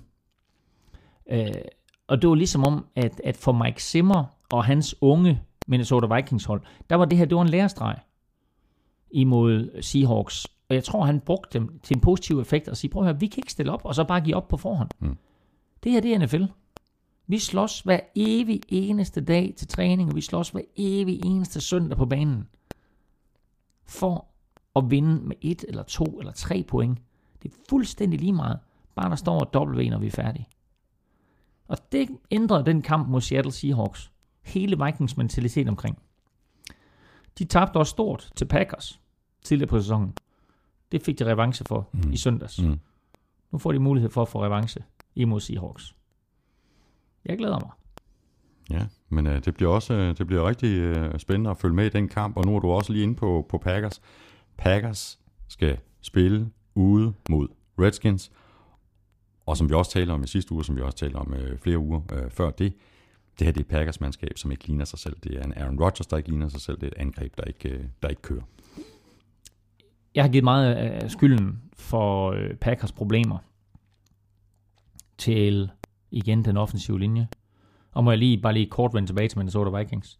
Det eneste hold af alle NFL's 32, der har startet de samme fem spillere på den offensive linje hele vejen igennem. Mm. Enorm vigtig kontinuitet at have for et mandskab. Med hensyn til Packers. Øh, jeg har givet meget af skylden for Packers offensive problemer til den offensive linje, og den var også horribel imod Arizona øh, Cardinals for 14 dage siden. Øh, jeg har givet meget af skylden til manglen på Jordan Nelson. Øh, men jeg må sige, at der er sket noget med Aaron Rodgers, som var helt tydeligt imod Minnesota Vikings. Og det er hans boldplacering, hvor han altid bare placerede bolden, sådan så det var hans receiver, der havde den bedste chance for at gribe den. Så er han ikke nær så præcis, og han er ikke nær så overlegen i sin måde at agere på, som han har været tidligere. Kan det, kan det have noget at gøre med, med simpelthen, at han har mistet en lille smule selvtid? Ja. Altså? Det, er det er så simpelt? Seriøst, jeg, jeg tror, ja. det er der, vi er. Jeg tror, at, at øh, selvom de ud til, både ham og Mike McCarthy siger, hey, vi har vundet 10 kampe, what's the goddamn problem? At så er der noget, der ikke fungerer. Der er noget, der ikke spiller. Mm. Der er noget, der ikke lever op til tidligere standarder. Der er nogle ting, de har gjort før, som pludselig ikke virker. Og jeg tror, det frustrerer dem. Øh, og jeg tror, det frustrerer Aaron Rodgers. Og han havde nogle chancer i kampen mod Vikings for at lave nogle store spil, som han misser. Øh, som han ellers normalt ikke misser. Mm. Øh, så øh, der er et eller andet galt med Aaron Rodgers, og det kommer nok af, af helt, alle de problemer, som de har i Packers i hele taget.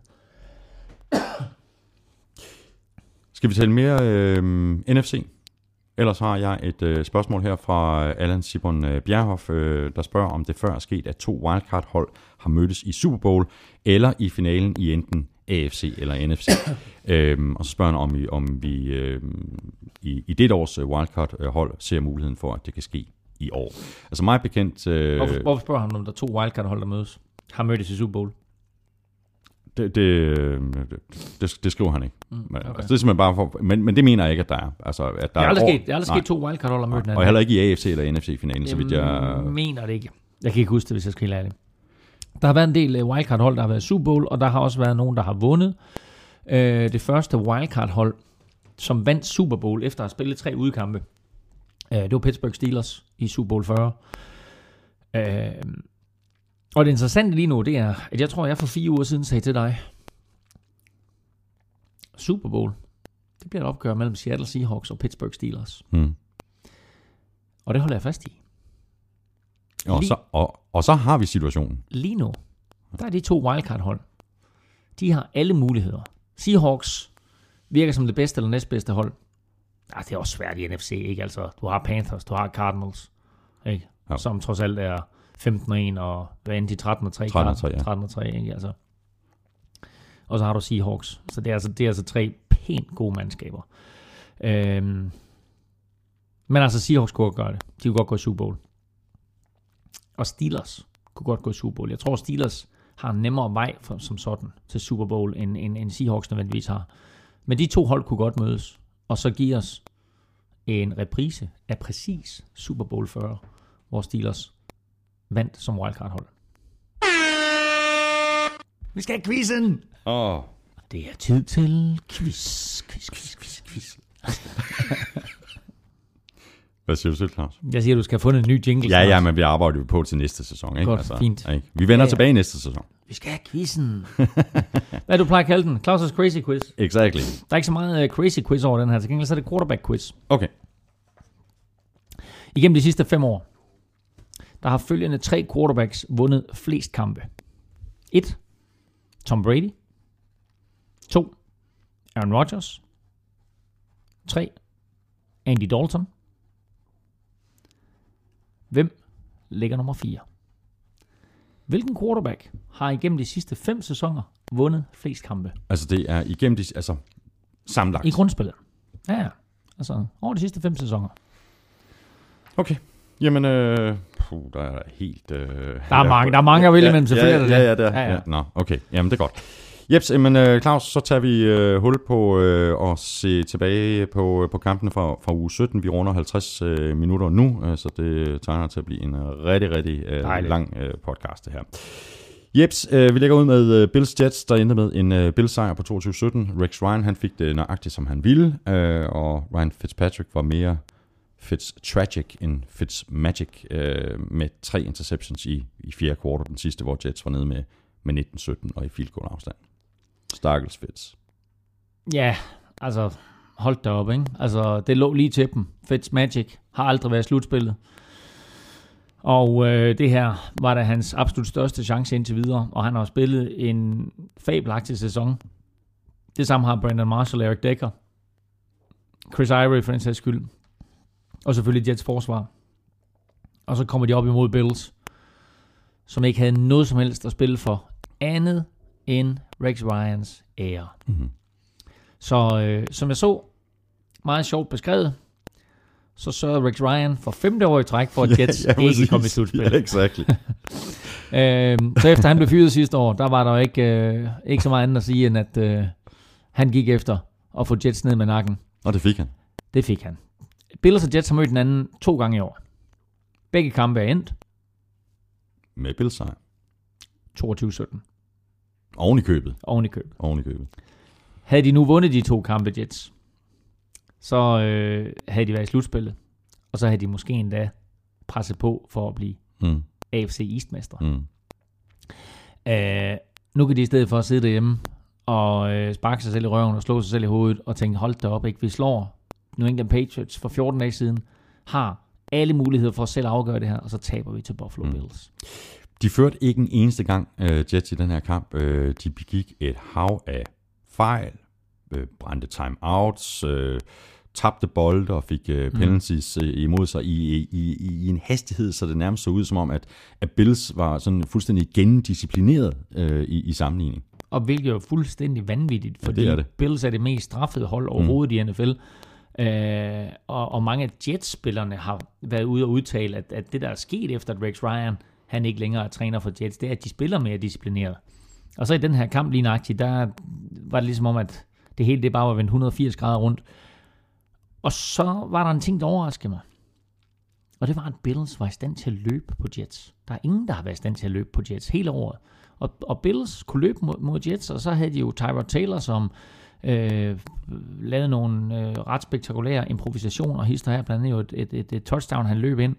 Øh, så det startede sådan set fra første angrebsserie, hvor Bills øh, dominerede op foran og fik scoret touchdown og bragte sig foran 7-0. Og fra det punkt af, der skulle Jets kæmpe sig tilbage. Mm. Øh, og havde også sejren inden for rækkevidde op til flere gange da. Men fik altså på en eller anden måde smidt det væk.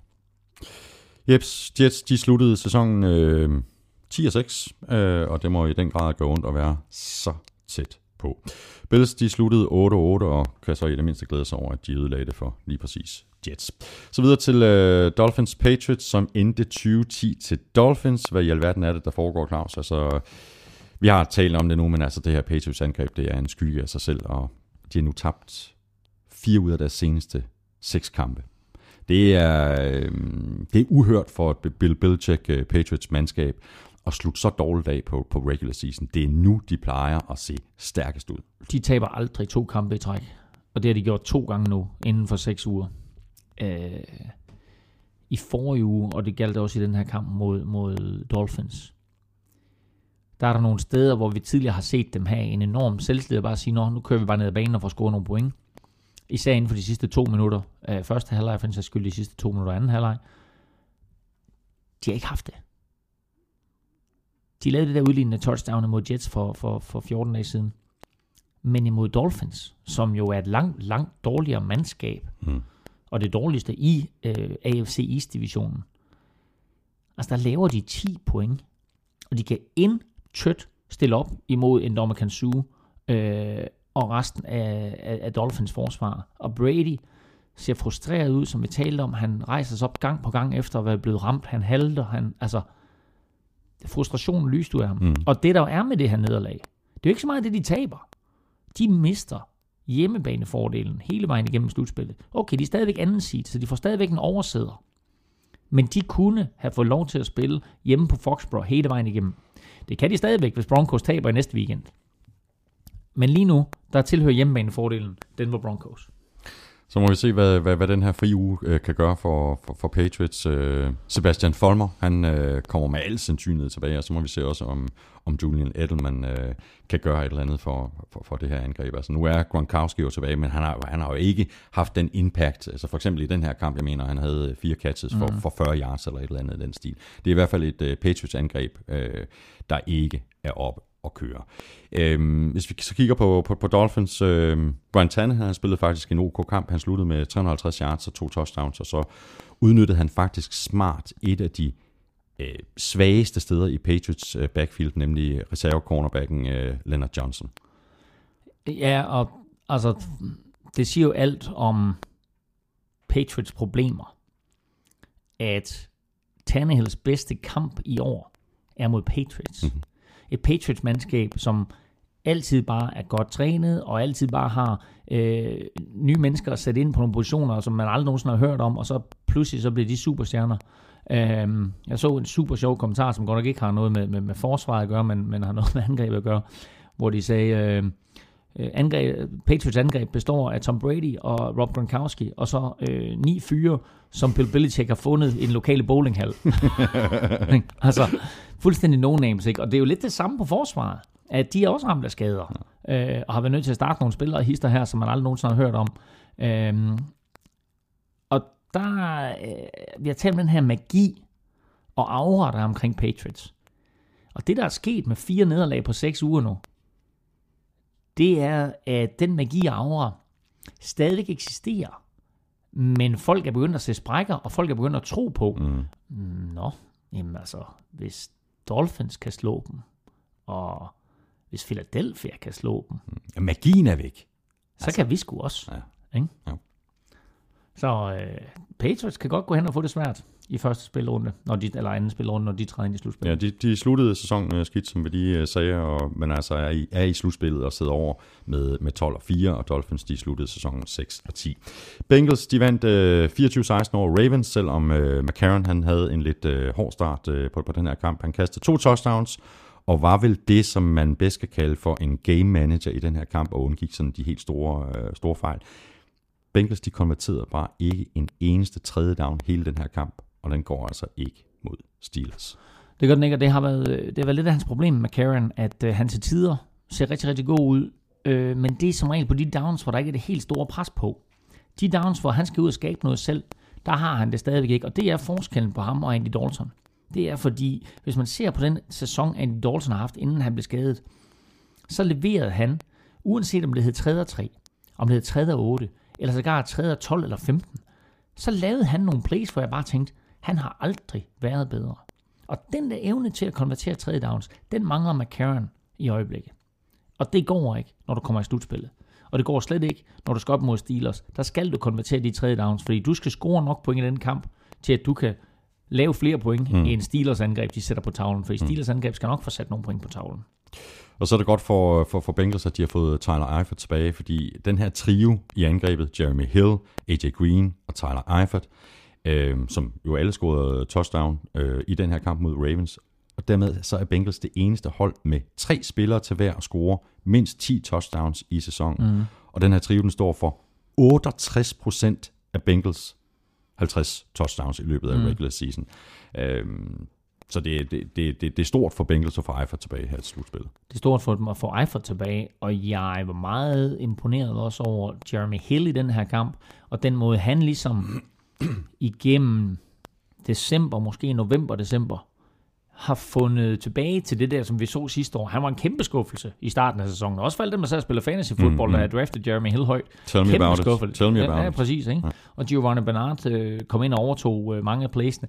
Jeremy Hill er tilbage nu. Øh, og har ikke fået de tag i løbet af sæsonen, som mange andre running backs har fået. Det kan vise sig at blive rigtig, rigtig vigtigt for Bengals. Så med Eifert og med AJ Green og Jeremy Hill, skal de lige forbi den her kamp med AJ McCarron som quarterback? Og kan de komme forbi den og få Andy Dalton tilbage? Så er Steelers væk, Hmm. og så er Bengals måske det bedste hold i AFC. Ja, og de har jo også en trio på forsvaret, Claus. Gino Atkins, Carlos Dunlap og Vontaze Perfect. Mm. Det kører også meget godt for, for, for, for de her der, ikke? Og ved du hvad? Det der Bengals-mandskab, der kunne du altså nævne rigtig, rigtig mange andre spillere. Vi har talt om det tidligere, og jeg vil gerne sige det igen. Der er ikke noget hold, der under Marvin, altså med Marvin Lewis som head coach. Der er ikke noget hold i NFL, der igennem de sidste 4-5 år har haft den talentmasse, og hele tiden bare har skilt de svage led fra og gjort talentmassen endnu bedre, endnu skarpere. Hvis du taler om next man up, så kan du pille vilkårlige spillere ud, inklusive quarterback, på det her Bengals-mandskab, og stadigvæk sætte spillere ind, der fungerer. Mm. Det her, det er det bedste hold på de 22 startende positioner, og de 22 positioner ligger bag ved dem. Bengals, de er i uh, slutspillet med 12 og 4, og de får så besøg af Steelers natten til uh, søndag. Spørgsmålet er, om det endnu en gang er one and done uh, for Bengals. Ravens, de havde en uh, katastrofesæson og sluttede 5 og 11. Og Bengals, de uh, løber jo som sagt ind i Steelers, uh, som lige akkurat kom med i slutspillet, efter at uh, Jets tabte til Bills, og Steelers selv slog uh, Browns, og det gjorde de så med uh, 28-12. Men for Steelers fans, der må den her kamp have været en lille bitte smule for spændende at sidde og følge med fordi den der var der, var der tættere, end den havde behøvet at være. Ja, den, den startede i hvert fald tæt, og så trak Steelers ligesom fra. Mm. Øhm, men øh, altså, også et, et, øh, et, et Browns-mandskab, ikke? Altså, som, øh, som spiller, stiller op med, med Austin Davis, altså Austin Powers som, som quarterback. Altså, øh, Powers, ja, man, man ser det for sig, ikke? så, shakalicious. øh, det, der, det, der, det, der, det, der lidt bekymrer mig med Steelers, fordi jeg synes jo, Steelers er et virkelig, virkelig godt hold. Og øh, hvis jeg ser tilbage på december, så taler vi altid om, det er i december, du skal vinde kampene, for at du kan øh, komme i slutspillet, og, øh, og når du først er i slutspillet, så kan alt ske. Steelers var ustoppelige ind til og med forrige uge. Så taber de til Ravens. Og så har de problemer med Browns. Men vinder og kommer i slutspillet, fordi de får hjælp af Buffalo Bills, der slår New York Jets. Så Steelers overtager den der plads for Jets, fordi de selv lige knipper sig forbi Browns. Mm. Men de sidste to uger har det der Steelers angreb ikke været godt nok til at opveje for de svagheder, som forsvaret har. Og det kan blive Bengals fordel på lørdag.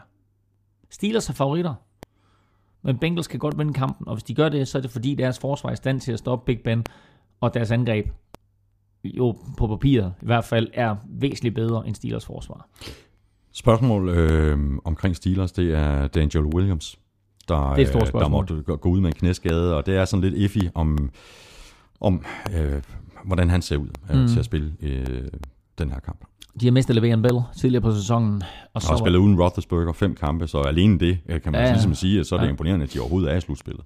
øh, forestil dig Antonio Browns statistik Ja.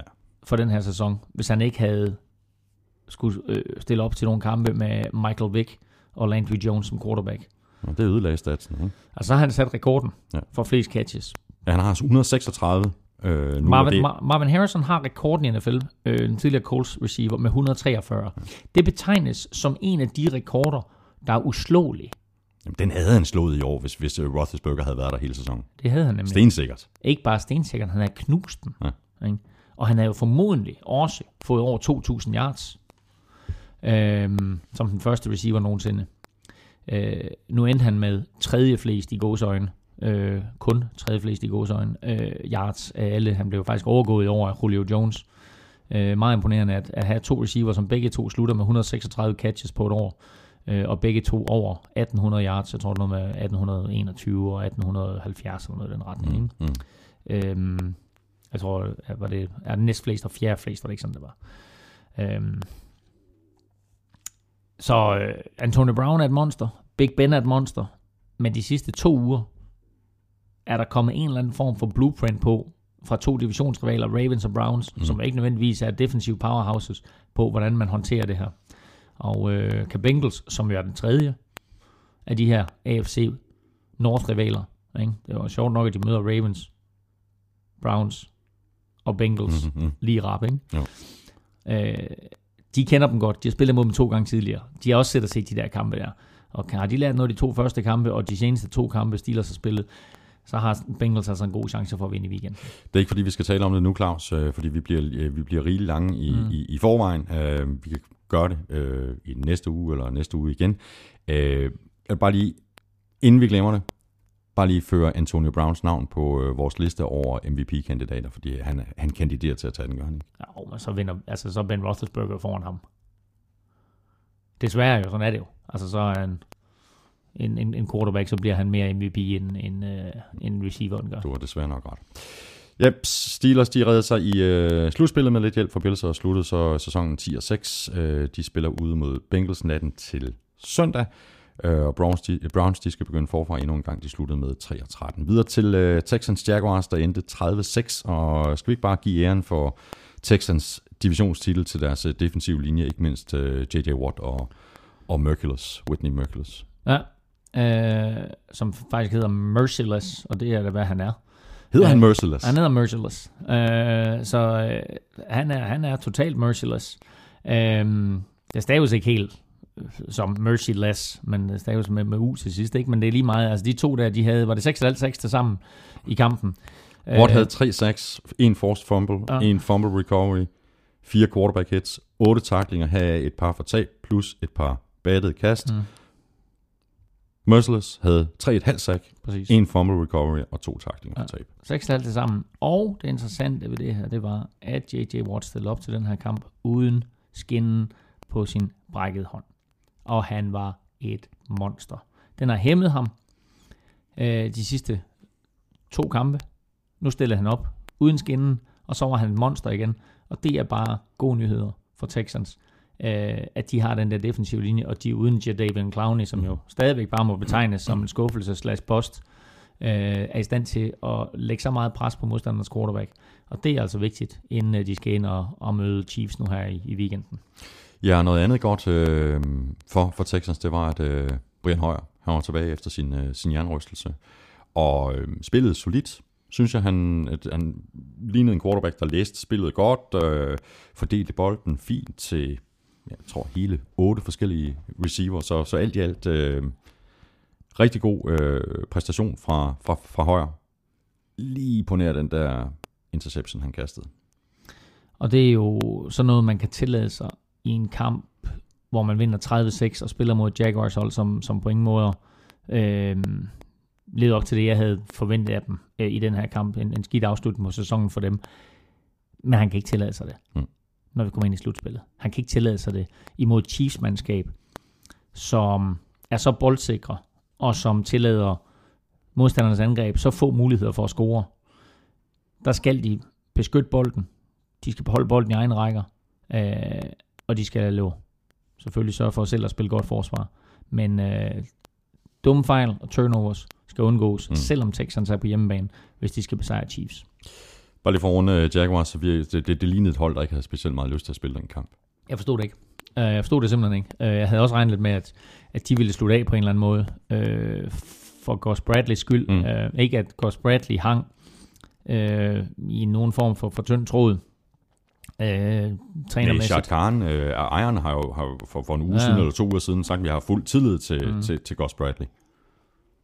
Men de sidste to uger har været forfærdelige for, øh, for, for, for Jaguars. De kunne, de kunne faktisk have spillet en, en ganske fornuftig sæson.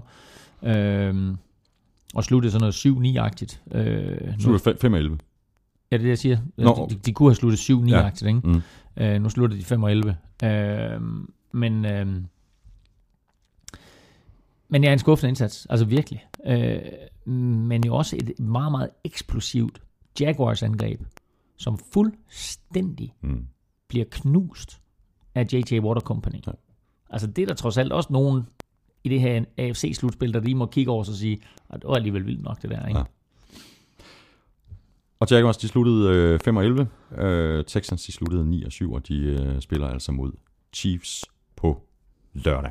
Og så til øh, Giants Eagles, der endte med en øh, Eagles-sejr på 35-30, og den, øh, den øh, kom virkelig bag på mig, Claus. Jeg havde regnet med, at øh, Giants de virkelig havde noget, de skulle bevise.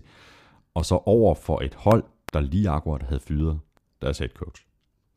Og der var det vist mere Eagles, der havde noget, de ville bevise. Fordi øh, jeg tror, der var en masse spillere, som ville bevise, at øh, grunden til, at de ikke havde haft succes, det var ikke deres fejl. Det var Chip Kellys.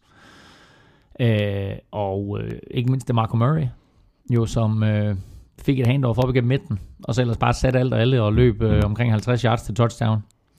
Øh, jeg tror på en eller anden måde. bare meet meet, ikke? Meet, meet. Det gjorde det, og han lignede den der running back, som vi så sidste år for Cowboys. Og det var ikke noget med at løbe side, sidelæns, som vi har set det under Chip Kellys angreb. Det her, det var et standard handoff op igennem midten, øh, mellem guard og tackle.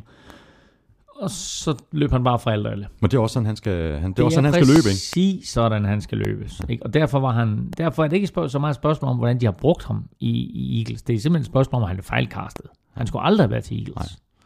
Øh, han skulle have været til et eller andet sted hen, hvor det sådan, at de løber bolden på den måde der. Øh, og ikke hvor det er sådan, at det tager alt, alt, alt for lang tid at udvikle sig. Det, der, det er mere sådan en Darren Sproles type, eller Sean McCoy type. Ikke en, øh, en uh, Darren McFadden, hvad jeg vil kalde ham. Uh, det Marco Murray type. Og så havde øh, Sam Bradford en, en rigtig god kamp. øh, 30 af 38 for 320 yards, to touchdowns og så en enkelt interception. Mm. Ved du, hvem den eneste kontrakt, ved du, hvem den eneste quarterback er lige nu? Eagles har kontrakt på. Nej. Mark But Fumble Sanchez. Det er ikke rigtigt. Den eneste quarterback, de har kontrakt med lige nu. Ja, det skal nok lige have arbejdet lidt på, ikke? skal lige have kigget lidt på de ja. der kontrakter der. Ja. Jeps, øh, Claus. Øh, Ja, så spillede de om en, en anden ting, de to hold. De spillede om, hvem der skulle til London næste år. Taberen, Ja, det talte vi om i sidste uge, rigtigt. taberen øh, skal møde Rams i London. Og det blev altså Giants. Så det kommer til at hedde St. Louis Rams øh, imod New York Giants på Twickenham, det legendariske rugby-stadion til næste år. Og Eagles, de sluttede øh, 7 og 9. Giants endte med en øh, record på 6 og 10, og det må virkelig være skuffende. Altså, hvad er det? Tre eller fire sæsoner i træk, hvor de har vundet færre kampe, end de har tabt. Ja, Giants. Ja. Ja, og fjerde år i trækket, de misser slutspillet, og det Ja, var så også ja. derfor, at, Coughlin han røg. Ja. Lions, de slog øh, Bears med øh, 24-20 i Chicago, og hvis det var øh, Calvin Johnsons sidste kamp for Lions, så fik han øh, sat et øh, superflot øh, punktum for sin karriere der med øh, 10 grebne bolde på 15 tar- targets, 137 yards og touchdown. Mm.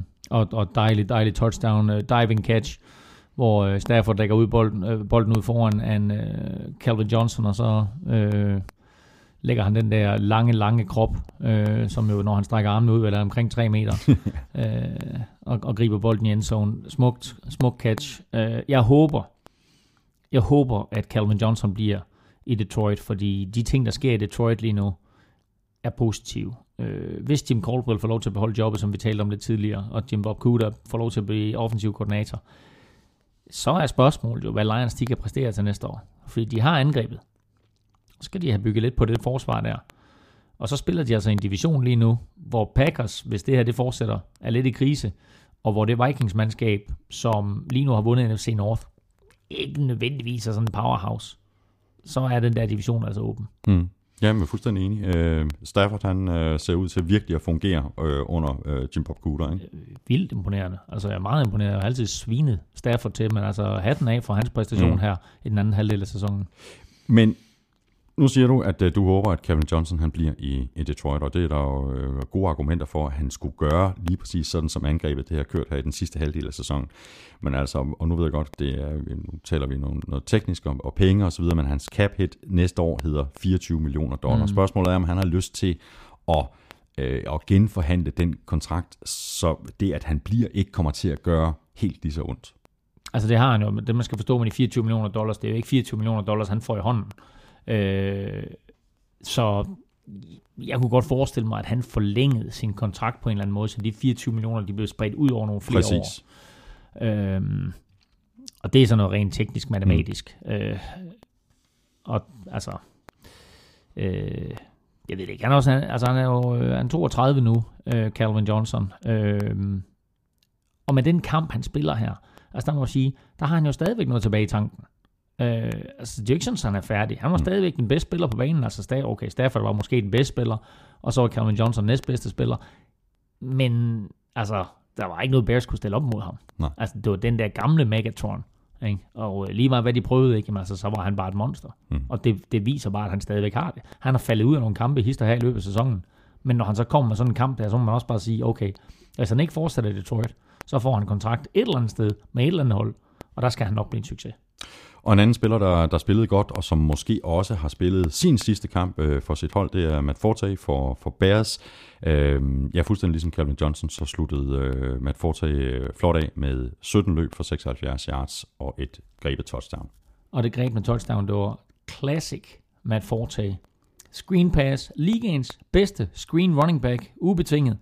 Øh, tager et screen pass, snyder to-tre modstandere, og løber ind øh, til touchdown. Matt Forte kom ind i ligaen i 2008. Der er ingen spillere i NFL, der har flere yards, end han har siden. Han er nummer et, Adrian Peterson nummer to. Øh, men ingen spillere, receiver eller running backs, har flere yards end Matt Forte. Han får nok også en kontrakt et eller andet sted, øh, og det bliver ikke Bears. Øh, spændende at se, hvor han ryger hen. Hmm. Og Bears de sluttede sæsonen med 6 og 10, Lions de endte med 7 og 9. Redskins, de havde egentlig ikke øh, så forfærdeligt meget at spille for. De, tog øh, Captain Kirk ud i, i pausen, efter at han havde kastet tre touchdowns, og så slog de alligevel Cowboys med, med 34-23.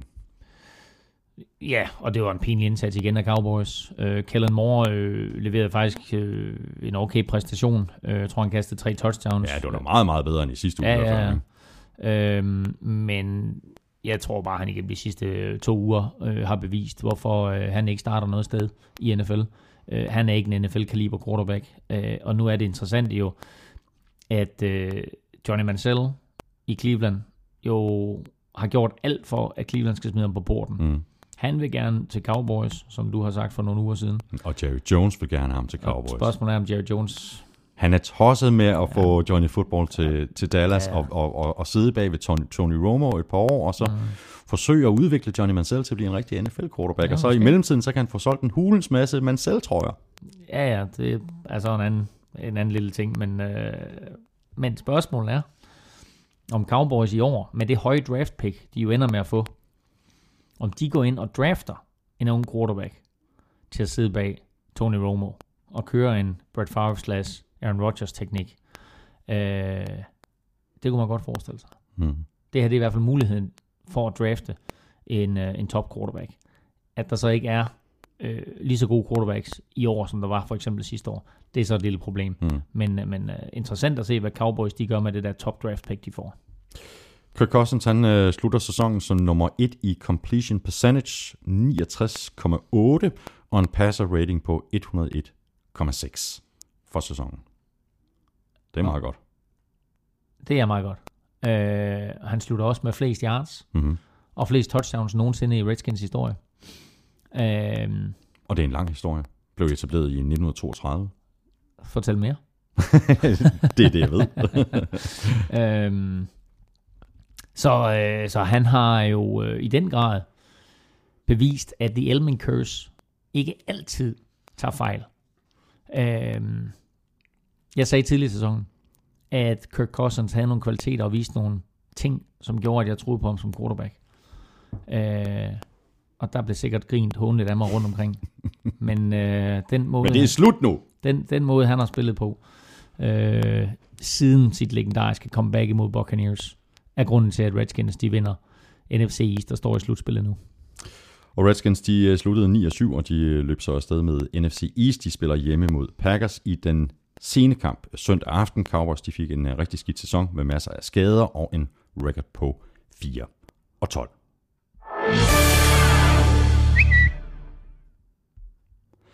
Så tager vi lige en øh, omgang spørgsmål, der er blevet øh, tweetet til øh, Snabelag NFL-showet, eller sendt på mail til mailsnabelag.nflshowet.dk. Andreas Frederiksen spørger, hvem er de fem bedste defensive backs nogensinde? Øh, vi talte lidt om det i sidste uge, Claus, da vi talte om øh, Charles Woodson, og hvor du i virkeligheden var i gang med at placere ham på en top 5 over de bedste defensive spillere overhovedet mm. ever. Mm. Men øh, så Charles Woodson må vi næsten have med på den her øh, top klart. 5 over, ja. over uh, defensive backs. Øh, jeg har skrevet øh, fire navne ned som forslag, mm. øh, ud over Charles Woodson. Øh, Dick LeBeau, som nogen nok øh, kender bedst som øh, defensiv koordinator for, for Steelers, mm. kunne jeg måske godt have med, med på min øh, top 5. Ronnie Lott for 49ers. Mm. Dion Sanders, 49ers mm. og Cowboys. Mm. Og så øh, Rod Woodson. Ja, øh, jeg er enig i det fleste. Jeg har, jeg har aldrig været sådan en super fan af Dion Sanders. Øh, han var jo, okay, altså rent opdækningsmæssigt, jo en af de bedste nogensinde. Men manden kunne ikke takle. Altså, du ved, altså det var ligesom at se en kigger, når han skulle takle. Ikke? Altså, øh, men du kunne, ikke, du kunne ikke kaste hans side. Øh, det var umuligt. Og prøvede du, jamen, altså, så øh, lavede han ofte en interception, og så returnerede han den, øh, og var jo, var jo også øh, dygtig øh, til det jo. Øh, øh, topatlet, jo Dion Sanders, mange måske ikke ved, øh, spillede også baseball, øh, og spillede på samme tid for Atlanta Falcons og Atlanta Braves, de to Atlanta-hold, og præsterede jo som en af de få, og kører sådan Søren Lærby, hvor han spillede øh, for, samme, for de to klubber på samme dag, og, og med, øh, med helikopter blev fragtet ja, ja, mellem de to ja. stadions. øh, sådan en spektakulær spiller øh, selvfølgelig, men jeg ved ikke, om jeg vil tage, jo, altså jo, han hører nok hjemme på grund af sine cover-kvaliteter. Øh, så er der sådan en fyr som Paul Kraus, tidligere Minnesota Vikings øh, defensive back, som jo stadigvæk den dag i dag fører NFL for flest interceptions i karrieren med 81. Øh, hvis vi kigger sådan lidt mere moderne tider, måske en Daryl Reeves. Ja. Øh, og øh, Steelers-dagene øh, var der en Dick Night Train Lane, mm. øh, et par mm. stykker andre. Øh, så sådan historisk set øh, er der mange at vælge mellem det. det er, altså Rod Woodson, du nævner, er selvfølgelig helt, helt op blandt de bedste. Ronnie Lott, en af mine yndlingsspillere nogensinde. Mm. Uh, en, uh, ikke, bare, ikke, ikke, ikke bare en, en god cornerback og safety, men også en af de vildeste hard hitters, ja, NFL nogensinde har set. Ikke? Og det leder fuldstændig videre til næste spørgsmål, Claus. Mm. Uh, man skulle næsten tro, at du kunne kigge i, i manus, ja. fordi det er Nå, Carsten ja. Madsen, der, der, der skriver, hvem synes I er den bedste hard hitter i ligaen, eller Sean Taylor, da han levede. Mm. Men det er så af spillere, der spiller nu. Okay. Øhm, I øvrigt vil jeg bare sige, at den der top 5, vi lige lavede før, den endte på omkring en 10 stykker. Eller sådan, så det er det, som, det, som, som, som vi plejer. Ikke? Ja, ja. Godt. Så må vi se, om vi kan gøre det, det samme her. Øhm, jeg har også skrevet nogle, øh, nogle navne op her øh, på, på hard hitters. Øh, Cam Chancellor, Jashawn Goldson, mm. Navarro Bowman, mm. øh, mm. Nadama Kong Su. Mm. Oh, oh ja, okay. Øhm, James Harrison mm. for Steelers. Måske ikke så meget nu, men i hvert fald i sin prime. Ja. Så har du en... Øh, altså, jeg, altså, jeg tror, en, en, den, den spiller igennem de sidste fem år, der har fået flest bøder, er vel nok Brandon Merriweather. Ja. Øh, altså, der ja, som blev fyret og blev signet igen i løbet af sæsonen. Jeg ved ikke om han er, er han tilknyttet hold nu? Ja, det er han jo så måske ikke nu, fordi Giants er ude af slutspillet. Jeg er lidt i tvivl om, hvad hans kontrakt siger, men han, han spillede jo for Giants i år, blev fyret af Giants og blev hyret igen af Giants. Øh, men Brandon Merriweather, altså det er da sådan en, man som receiver ved, hvor er han. Mm. Når, når man løber en, en krydsningsrute et eller andet sted, øh, kort eller lang, så ved man, om Brandon Merriweather er i nærheden. Og hvis man, ikke han, ved det, hvis man ikke ved det, så opdager man det. Han mær, man mærker det. man ved bare, han kommer lige om lidt. lige når jeg griber bolden. Ja. Så har vi Lars P., en af mine 49ers lidelsesfælder, fælder, øh, som ikke har noget spørgsmål, men som bare stille og roligt øh, beder mig om at bede dig om at uh, trashe Niners forud for næste sæson. Det er måske det dårligste hold i NFL. Der er ikke en chance for, at de kommer i slutspillet. Tak skal du have. Alex Arndal Petersen, øh, hvad gik der lige galt for Jets, og får nederlaget betydning for Jets quarterback-situation næste år? Hashtag no magic. Ja, altså, nu har vi jo talt så rigeligt om, øh, om, om hvad der skete der i, i sidste spillerunde med, med Jets, øh, der tabte til Steelers, eller til, øh, til Bills og Steelers, der stjal slutspilspladsen. Så øh, lad os ikke dvæle mere ved det, og så bare sige overhovedet ikke, Fitzmagic gav dem stabilitet på quarterback, og en langt bedre løsning på quarterback, end Geno Smith havde været. Så øh, jeg er sikker på, at øh, Ryan Fitzpatrick, han også er quarterback for Jets til næste år. Det vil jeg også godt sætte, øh, sætte penge på. Anders Christensen øh, skriver, Cowboys er sidst i NFC East, men det vil ikke undre mig, hvis de kan gå hen og blive favoritter til at vinde divisionen næste år. Hvem sagde han? Cowboys. Cowboys. Det er ikke helt tosset. Nej, nej, altså det er da klart, at de har da, de har da nogle kvaliteter, og hvis de får Romo tilbage, så er det også et andet hold. Men Og Des tilbage, og de har deres O-line. ja, de har en Darren McFadden på running back, som øh, faktisk overtog øh, i, i fornem stil for DeMarco Murray. Øh, de har et forsvar, som øh, er ganske godt. Øh, De har et højt draft pick. Mm. Øh, så øh,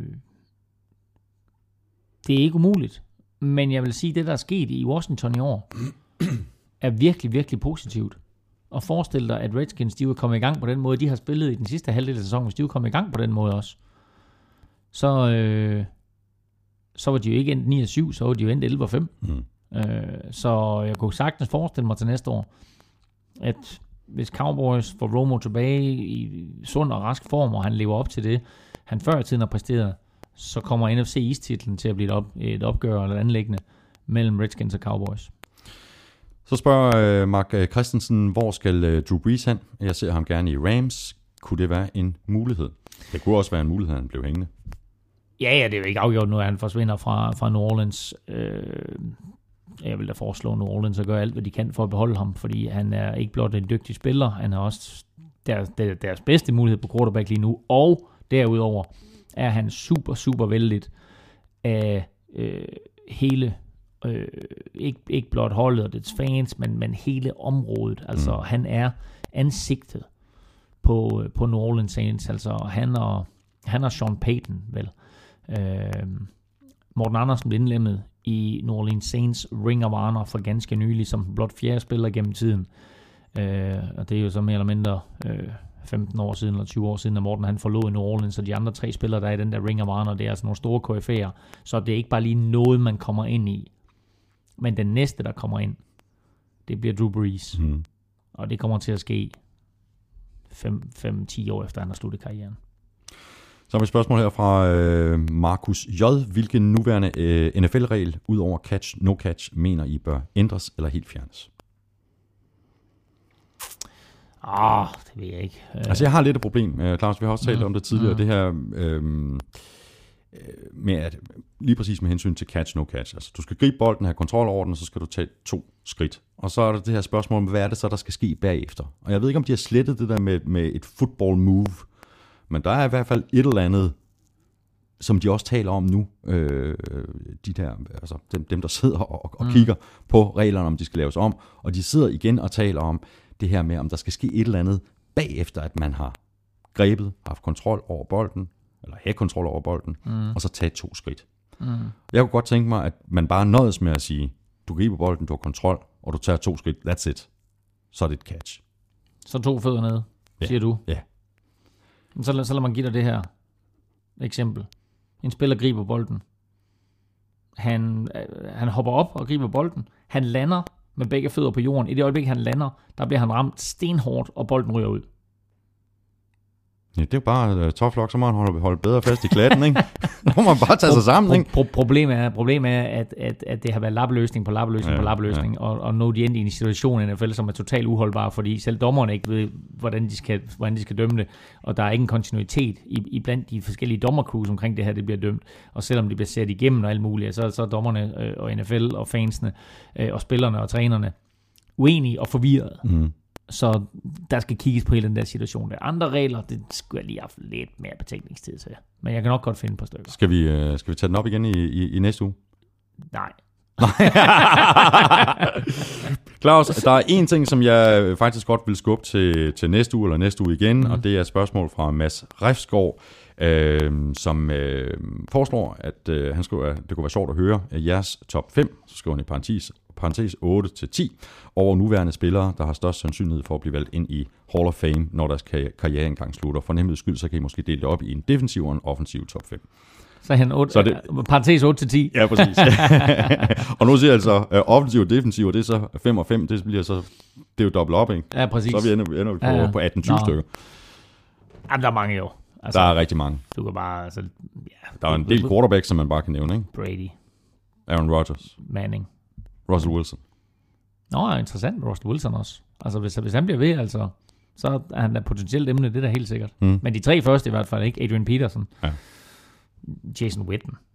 Ikke? Altså, der er masser. Der er også, vi er jo ikke engang gået i gang med den offensive linje nu. Vi, vi, vi, vi kommer op med en, med en top. Top 30. Ja, præcis.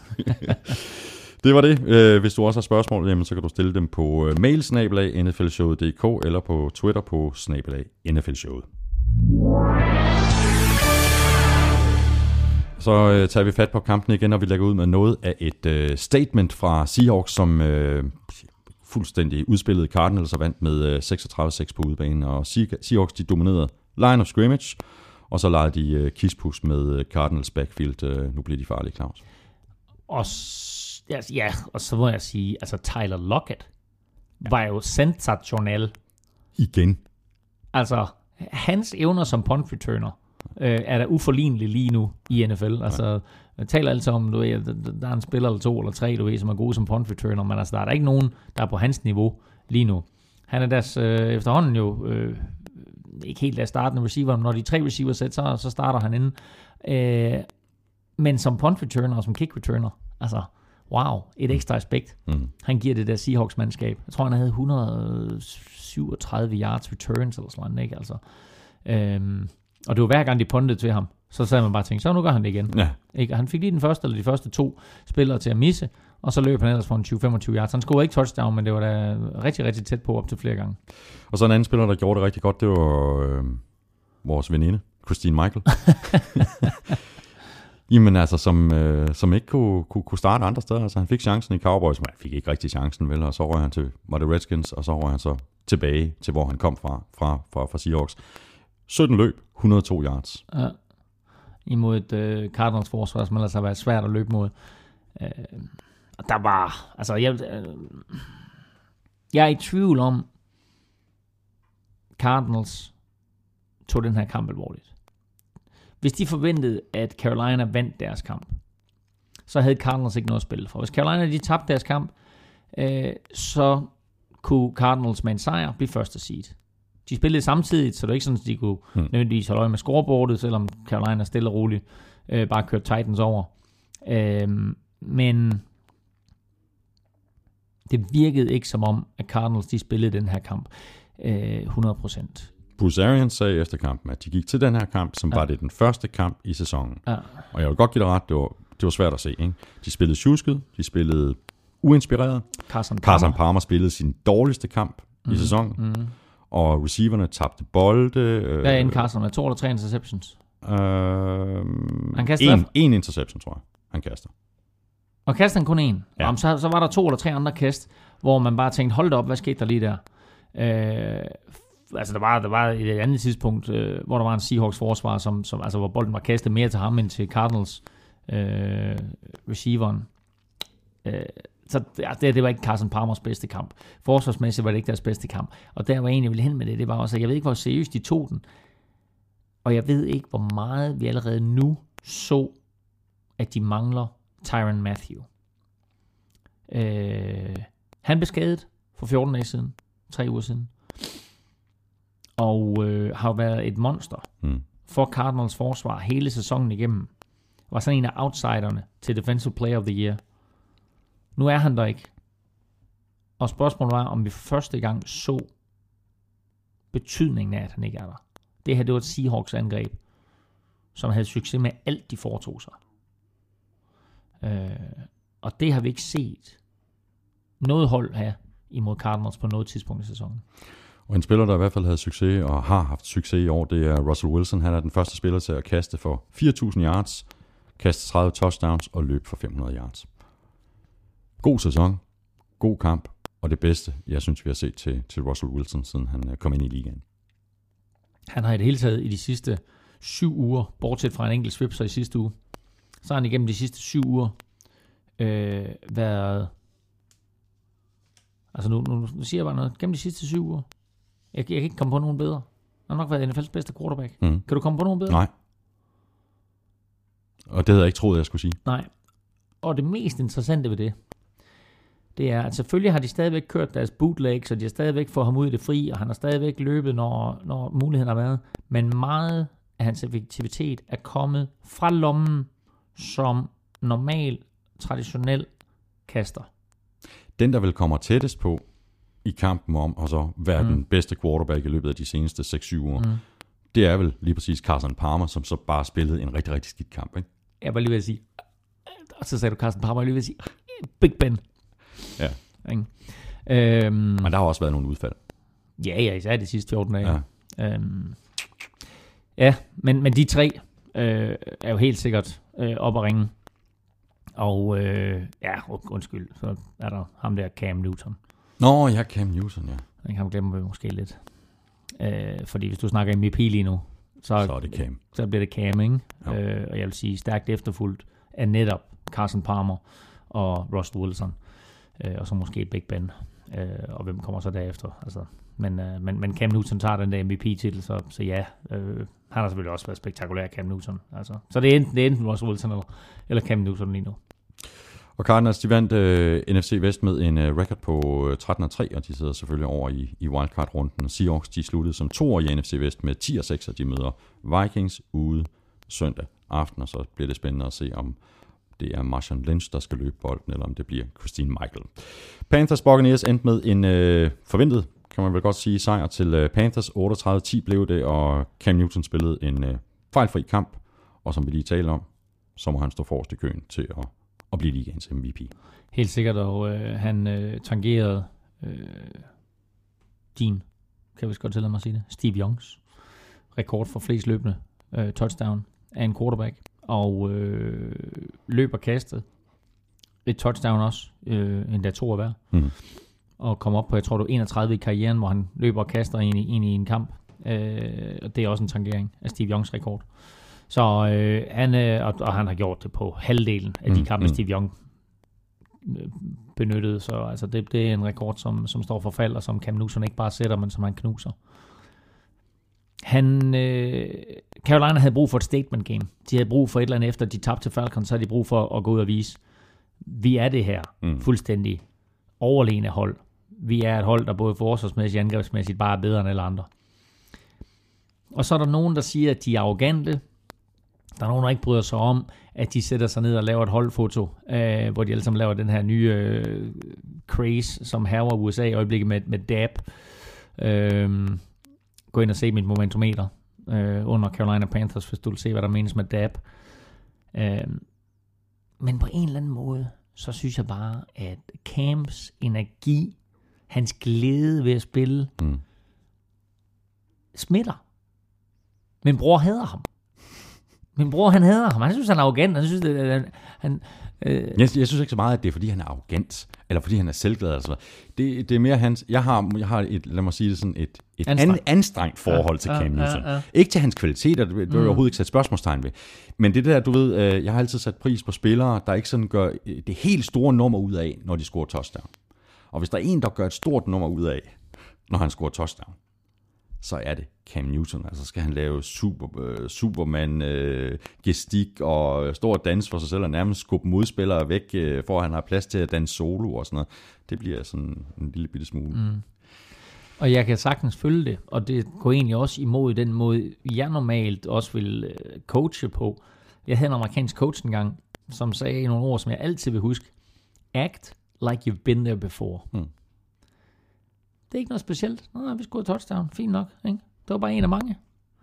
Øh, men jeg kan, lidt, jeg kan lidt godt lide det. Jeg synes, det smitter. Jeg synes, Cam Newtons energi smitter af på tilskuerne. Og jeg synes, det smitter af på hans holdkammerater. Og det giver en aura af uovervindelighed. Men jeg kunne bare godt tænke mig, at det var et Panthers-show i stedet for et Cam Newton-show. Det er det også, hvis du ser. Altså selvfølgelig er det et, et, et, et, Cam Newton show, når det er ham, der scorer. Men læg mærke til, øh, at de tager holdbilledet på sidelinjen. Øh, de peger ud på tilskuerne i den ene retning og får dem til at juble. Og så peger de ud på tilskuerne i den anden retning og får dem til at juble. Og så tager de billedet, og så daber de og så videre. Der er en eller anden form for samhørighed Mm. øh, i den der trup der.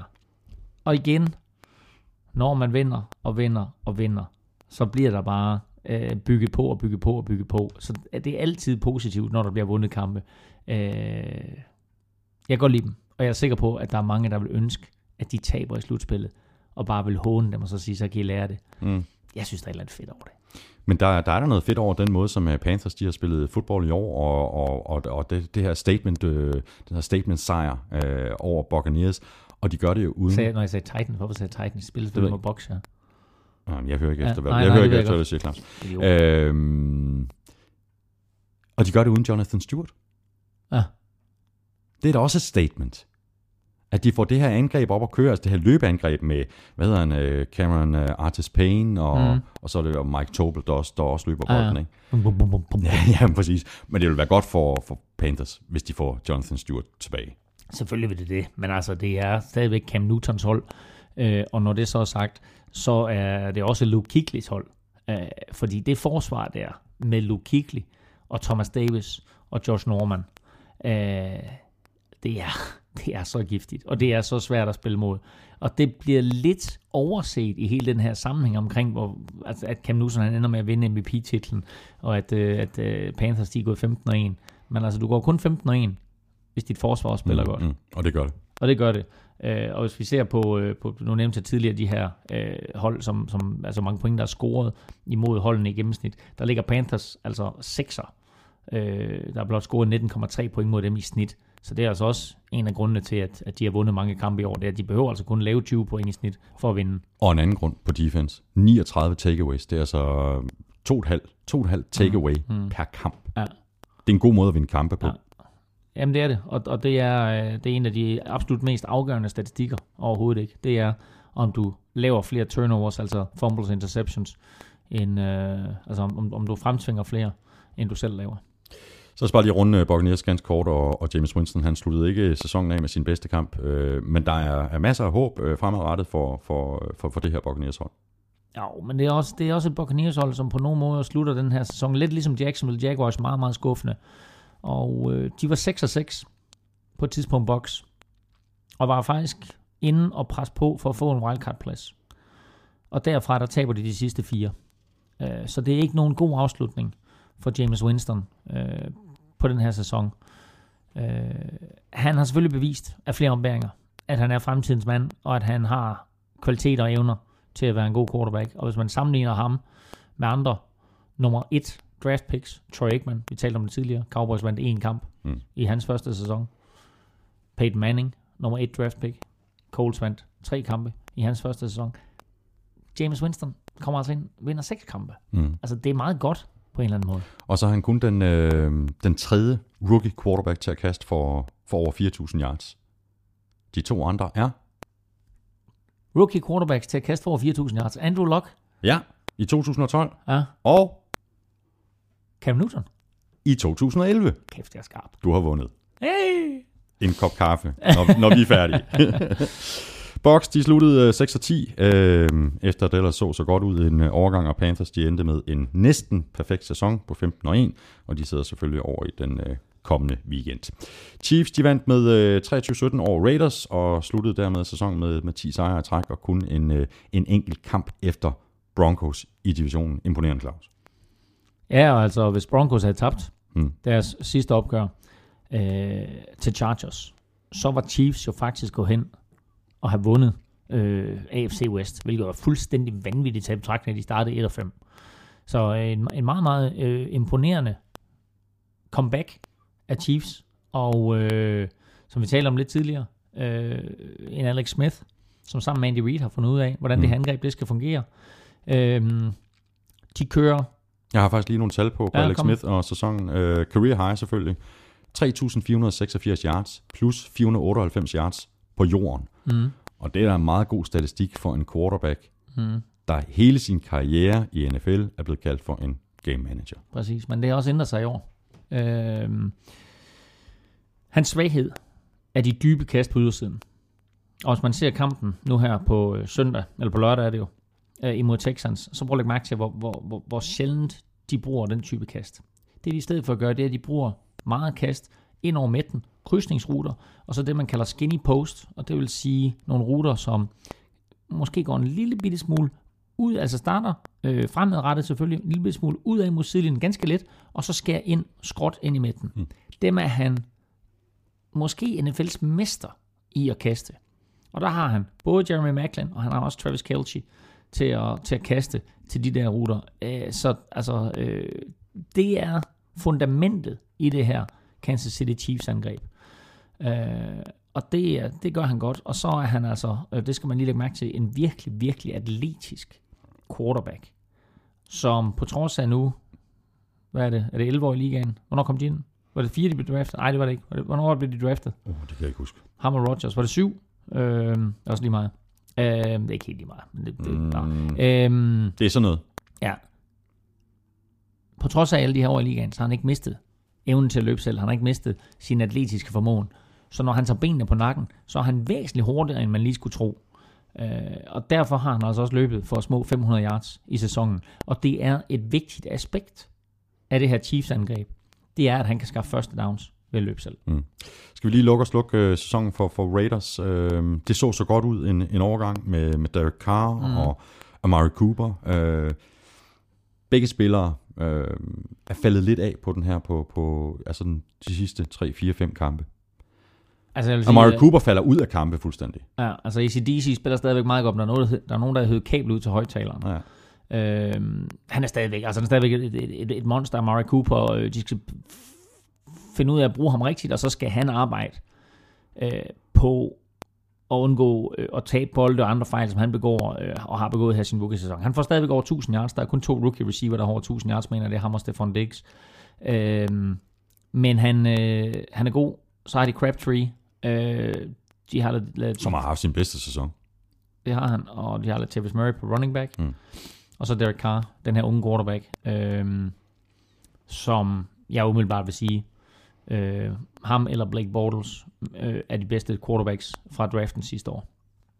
Og så spillede uh, Charles Woodson uh, sin sidste kamp. Uh, hans første kamp spillede han på Arrowhead uh, tilbage i uh, week 1 i 1998. Dengang var Amari Cooper lige præcis fire år gammel. Mm. Raiders de endte med en uh, 7-9 record. Chiefs de vandt uh, 10 i træk og sluttede 11-5, og de spiller ud mod Texans lørdag. Og jeg har lige en, en hurtig bemærkning til præcis det. Hvis Chiefs skal i Super Bowl, så møder de i første runde Houston. Dem slog Kansas City Chiefs 27-20 i september. Hmm. Jo, deres eneste sejr i hele september. Derfra skal de så til Denver. Der vandt Chiefs 29-13 i november. Og hvis de slår Denver, så skal de så til New England formodentlig. Medmindre New England taber undervejs. Og Chiefs slog New England 41-14 på Arrowhead sidste år. Ja. Så øh, de har succes imod de mulige kommende ja, ja. Super Bowl, eller ja, øh, modstandere på vej mod Super Bowl. Så fik vi øh, den lille øh, detalje med, og med det er vi så nået frem til øh, Broncos Chargers, der endte med øh, den forventede sejr til Broncos 27-20 endte den. Men det er nok ikke så meget resultatet den her kamp, den vil blive husket for, som det er for, at øh, Peyton Manning han blev skiftet ind i tredje kvartal, efter at øh, Osweiler havde kastet et par interceptions og også øh, fumblet en, en enkelt gang. Øh, Osweilers interceptions kom efter et dropped pass, så vidt jeg husker, og, og den anden interception øh, skete, fordi han bliver ramt simpelthen i, i, i det øjeblik, hvor han, hvor han kaster bolden. Mm. Var det en overreaktion, at han bliver pillet ud? Nej, der skulle ske noget. Og øh, Broncos havde kun sat syv point på tavlen. Så kommer Manning ind. Altså første halvleg var Brock Osweiler at spille. Scorer 7 point. Før angrebet 7 point. Anden halvleg kommer Manning ind. Før angrebet til 20 point. Men det er jo ikke de vilde stats, øh, øh Peyton Manning han, han Jamen, sætter på tavlen. Okay, kom så. Men så Men, fortæl mig, hvad du vil sige nu. Kom så. Nej, jeg siger, det er ikke de vilde stats. Øh, 5 af 9 for 69 yards. Men det virkede som om holdet steppede op. Løbespillet blev bedre. Og så må man bare sige, at Manning han kan det der med at kalde audibles. Ja, og det er præcis det sidste, der er vigtigt. For ja, han er 5 og 9. Og nej, der var sgu ikke meget power i de kast. Øh, men timingen er der. Han mangler raketarmen, og det betyder, at han er nødt til at slippe bolden lidt hurtigere, hvilket ikke nødvendigvis er en skidt ting. Altså, nu siger du selv, at Brock Osweiler, han kaster en interception, hvor han bliver ramt. Hvis han har slået bolden lidt tidligere, så har han ikke blevet ramt. Mm, mm. Manning her, han er nødt til at kaste det tidligere, fordi han ikke har helt samme fart i, i sin bolde. Men han har en enorm timing, og det så vi også på nogle outs til Demarius Thomas, og der var et par andre kast, hvor man bare tænkte, okay, god timing, men hold kæft, det tager lang tid for bolden om at komme derud. Mm. Og det er et problem, selvfølgelig, at det tager så lang tid for bolden om at komme frem. Manning sagde bagefter, jeg kan ikke tage æren for, at jeg er god til at lave handoffs fordi han gav bolden så meget til de to running backs, CJ Anderson og Ronnie Hillman. som jo begge to spillede kanon anden halvleg. Mm. Men det han kan til han for, det er præcis det, du siger, det er det der med at kalde audible. Så sidder man derude og tænker, hvad fanden er en audible? Jamen, det er, når quarterbacken ændrer spillet op på linjen. Går op, ser, hvordan stiller forsvaret op. Hvad kan jeg gøre for, at det play, vi har valgt, bliver til et bedre play? Og det gjorde han til UG med kryds og slange. Mm. Og ikke bare valgte han øh, nogle gange at gå fra et øh, løbespil til et kastespil, eller fra et kastespil til et løbespil. Han valgte også nogle gange at ændre præcis, hvad det var for et løbespil. Hvad for en side de skulle løbe til. Mm. Og igen og igen øh, ramte han bare rigtigt. Og derfor endte det med at blive en Broncos sejr over Chargers. Og første seed. Og ikke omvendt. Og øhm, Kubiak, Gary Kubiak, han sagde efter kampen, at han ikke vil sige, hvem der er, er starter nu, men vi har været inde på det lidt tidligere, Claus. Det, det må næsten blive Peyton Manning. Og så har de så Brock Osweiler, som i virkeligheden har bevist i løbet af sæsonen, at han godt kan starte. Mm. Altså hvis det skulle gå galt med Peyton Manning. Men, men tror du ikke, Peyton Manning han starter næste kamp? Jeg, jeg, tror, jeg tror, det her, det var så stor en turnaround for Broncos, øh, at de starter Manning. Hmm. Hvis de ikke starter Manning, så er det udelukkende armstyrke, det handler om. Fordi erfaring og evnen til at læse et forsvar klasser over Brock Osweiler. Har du et øh, par kommentarer, du vil knytte til øh, Chargers sæson, ud, udover at øh, de havde mange skader, og Præcis, det, ja. det, det aldrig blev øh, den sæson, som de havde håbet på? Nej, nu talte vi lidt tidligere om, øh, om der er noget, der hedder San Diego Chargers til næste år. Øh, de tog jo officielt afsked med deres hjemmebane i sidste uge, og San Diego-publikummet. Så med stor sandsynlighed, så er San Diego Chargers i Los Angeles i den kommende sæson. Jeg ved ikke helt, hvor de skal spille henne. Øh, om det bliver i Colosseum, eller i Pasadena, eller hvor det bliver henne, men øh, der er ikke mange i San Diegos organisation, øh, eller blandt San Diegos spillere, der forventer, at de er i San Diego til næste år. Nej, og de havde i hvert fald en helt igennem øh, skuffende sæson. 2015 sluttede 4 og 12. Broncos de vandt øh, AFC Vest med 12 og 4, og de sidder selvfølgelig over i, i weekenden. Og så napper vi lige en øh, enkelt kold fra kælderen i øh, NFC Vest. 49ers Rams endte med en sejr til 49ers på 19-16 efter overtime. Der er ikke nogen grund til at gå til i, detaljer med den kamp. Øh, Blaine Gabbert spillede endnu en OK kamp. Øh, Dujuan Harris, øh, som jeg mener tidligere var omkring øh, Seahawks, han var bedste mand for, for Niners, og Jeff hvad, Fisher. Hvad hedder han, siger du? Dujuan. Dujuan. Dujuan Harris. Jeff Fisher, han missede lige akkurat sin 8-8-sæson. Han var nøjes med, med 7 9. Ja. Uh, og vi må jeg erkende, at uh, jeg kan godt forstå, at, at Rams de gerne vil prøve et eller andet nyt, og de gerne vil flytte, fordi uh, nu er de 7 og 9, og de har ikke, altså, de har ikke siden 2003-sæsonen vundet flere kampe end i sæsonen, de har tabt. Så det er altså helt tilbage til The Greatest Show on Turf. Deres bedste sæsoner siden da, det er to gange, hvor de endte 8-8. Mm. Og ellers så har de altså tabt flere kampe, de har vundet hvert år. Så der skal et eller andet, der skal ske et eller andet nyt. Mm. Øh, og øh, lad os nu se, det er jo ikke, det er ikke endelig afgjort, at Jeff Fish han får lov til at fortsætte, men altså må ikke han gør. Jo. 7 9 endte det øh, for til, til Rams, og øh, for Niners de tog så suverænt af bundplaceringen i NFC Vest med 5 og 11. Saints de slog Falcons med øh, 20-17, og kampen blev øh, afgjort til allersidst med et øh, field goal, efter at øh, Matt Ryan havde kastet en, en interception. Og det er jo så symptomatisk for Falcons sæson. Sig. Øh, startede 5-0, øh, tabte, var det, altså de 6 og 1, og så tror jeg, de tabte 6 kampe i træk derfra, og så kommer de tilbage, spiller sig pludselig ind i kampen om slutspilsplads igen, og ender så med at tabe de to sidste her og gå 8-8. Øh, og i det hele den der periode, hvor de taber 6 kampe i træk, der var der et eller andet offensivt, som haltede. Øh, og især virkede Matt Ryan ikke som om, at han var glad for systemet, eller helt forstod det, øh, tog nogle hasarderede beslutninger, kastede nogle dumme interceptions, øh, hjælp ofte modstanderne mere, end han hjalp sit eget hold. Og det gjorde han også i den her kamp mod Saints. Øh, og uanset hvordan man vender og drejer det, uanset om, om der er nogen af dem, der havde noget på spil eller ej, så vil begge mandskaber gerne vinde den her kamp. Det her det er affjender, Saints og Falcons. Og øh, det var vigtigt for Saints at vinde kampen og give Breeze og Peyton, altså Michael Sean Peyton, øh, en måske værdig afsked. Mm. Julio Jones, han, øh, han slog ikke Marvin Harrisons rekord. Vi talte om det i sidste uge, at Mm. øh, han skulle have rigtig, rigtig mange catches. Ja, han fik 17 ja, 17 catches. ikke. Han fik 9 Ja, øh, for, for 149 yards, og ja, der inden for sådan spytteafstand øh, til, til rekorden. Ja, men, det- men altså, altså, forrygende ja, ja. kamp, og han er Ja, bare ja. en forrygende wide receiver, altså.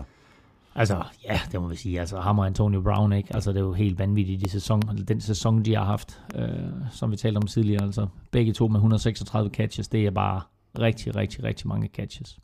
Og ved du hvem, øh, som jeg også bliver nødt til at, at, at fremhæve, det er en øh, spiller, som ellers var stoppet med at spille fodbold tilbage i 2011, Tim Hightower. Mm. Han løber øh, øh, 16 løb for, for øh, 66 yards, og griber fem bolde for 41 yards. Og der er mange af de der løb der, der er helt spektakulære. Ja. Øh, og hvis man tænker tilbage på, da han spillede i Cardinals, der kommer han ind med en enorm succes, og man tænker, hold da op, ikke? Altså, superspiller. Og så forsvinder han lidt ud af sådan hele lydbilledet i NFL, og ja, ja, altså, out of nowhere, så popper han op her for Falcons for, mm.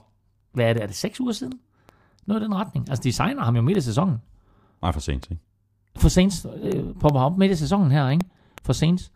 Øh, hvor, hvor lang tid han var der? Er det 6, er det seks uger? Er det 8 sådan et uger? eller andet i den stil. Jeg Nu tror, er der sådan den sidste halvdel af sæsonen, ikke? Og altså, øh, ligner jo, øh, hvad, the, the second coming of Craig Hayward eller et eller andet, ikke? Så øh, ja, altså meget imponerende, som han har spillet.